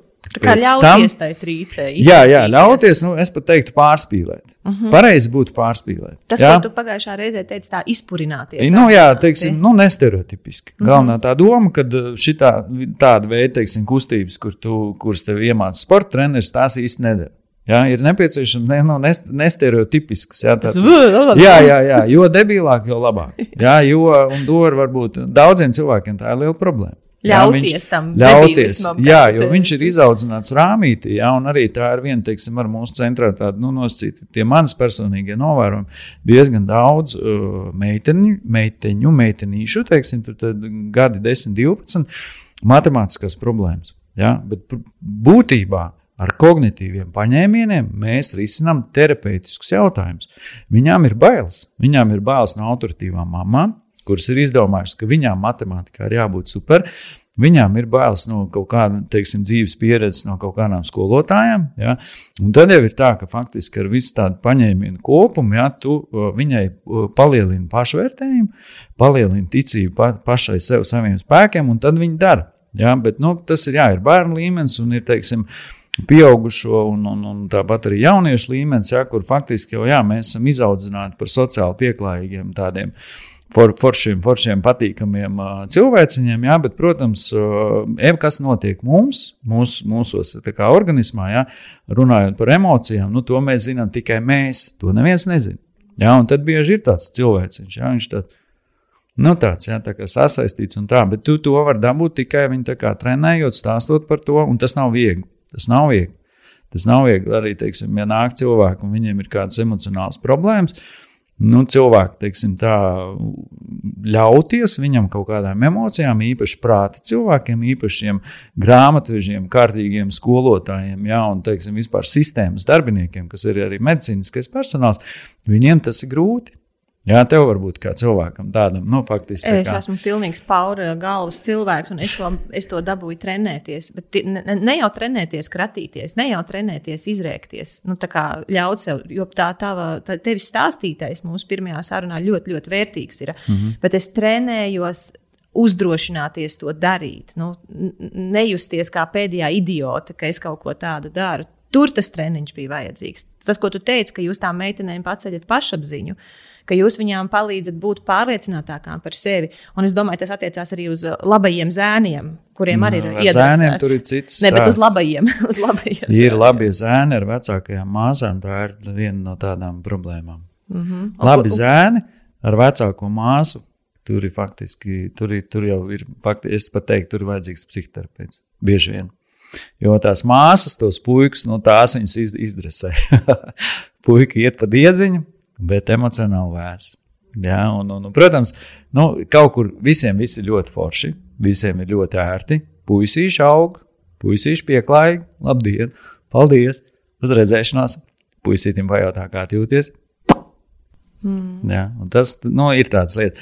Nevar teikt, ka simtprocentīgi visos gadījumos, bet tādi novērojumi ir. Ja, tā kā, nu, visbiežāk, jā, zēni, kuriem ir vecāks māsas, un meitas, kurām ir prasīgas, stingras mammas. Tā, tā, tas ir tāds, tā divi, tāda rādītājā, kas, kas, kas tā kā, nu, bieži vien, jā, tiek atkārtojās. Tad, kad es tev teicu par tām meitām, tu teici, zēni, tas ir cits stāsts. Tad tu pārgāji uz labajiem zēniem, vai ir vēl kaut kas, ko tu gribēji par puikām? Es vienkārši zinu, man puika mammas citādi pusniknes uz mani. Jā, jā, jā, nē, nu, par puikām runājot, ir tur arī ļoti dziļš stāsts un garš. Man ļoti patīk Nils Saksur, kur mums arī ir kopēji kontakti un, un, un tā, teiksim, tā vērtība un tā izpratne, manuprāt, daudzos jautājumos sakrīt par to, ka izglītībai pietrūkst vīrišķības. Jā. Ja? Izglītības sistēma ir radīta meitenēm. Mm -hmm. Jā. Zēni, un īpaši, ja mēs runājam, arī tie ir tādi statistiskie rādītāji, ja teiksim, faktiski tādi izteikti UDHS, ja grūtības nosēdēt, sakoncentrēties, ir aptuveni 10%. Ja? Tad, kad tu parunā ar skolotājiem, viņiem viņi tev pateiks, ka ir 20, 30%.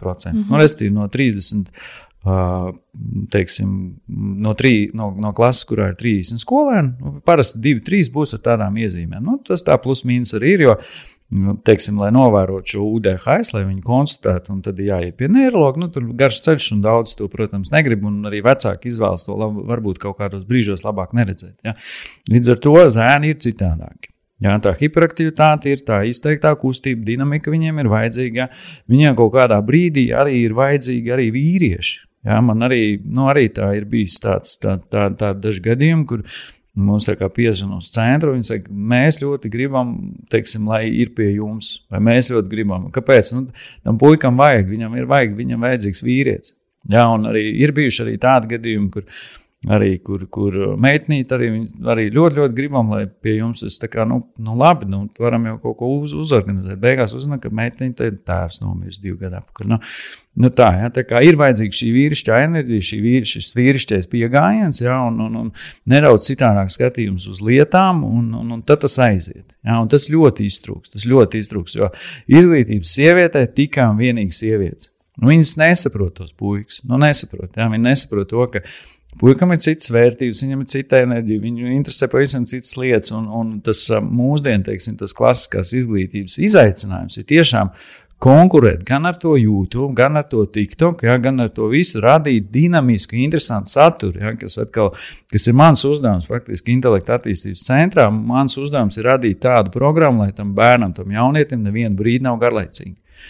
Un tas ir tāds, nu, tas ir izaicinoši, bet arī, nu, jā, tas faktiski uzkrātās šā brīža zināšanas, studējot un, un mācoties no tādiem vieniem, es teiktu, pasaulē tādiem labākajiem speciālistiem. Un, un, un, jā, tad, tad tas ir ļāvis izveidot tādu programmu, jā, kas faktiski vismaz runājot par tām 20, 30, 40 nodarbībām Atkarībā no tā, nu, kādos gadījumos, kad ir vajadzīgs, tā ir liela, teiksim, tāds, tas ir liels izaicinājums. Ja? Tas jaunietis vai bērns, viņš jau nāk katru reizi, viņš gaida no tevis kaut ko jaunu, kaut ko citādāk. Citādi ja? tu viņu uzmanību nenoturēsi. Jā, citādāk tu viņu nenoturēsi. Un, un, un, un tā galvenā doma ir tā, ka ies, tādu radīt to mācību procesu tādu, ka tas bērns darot, viņš nesaprot, ka viņš jau mācās.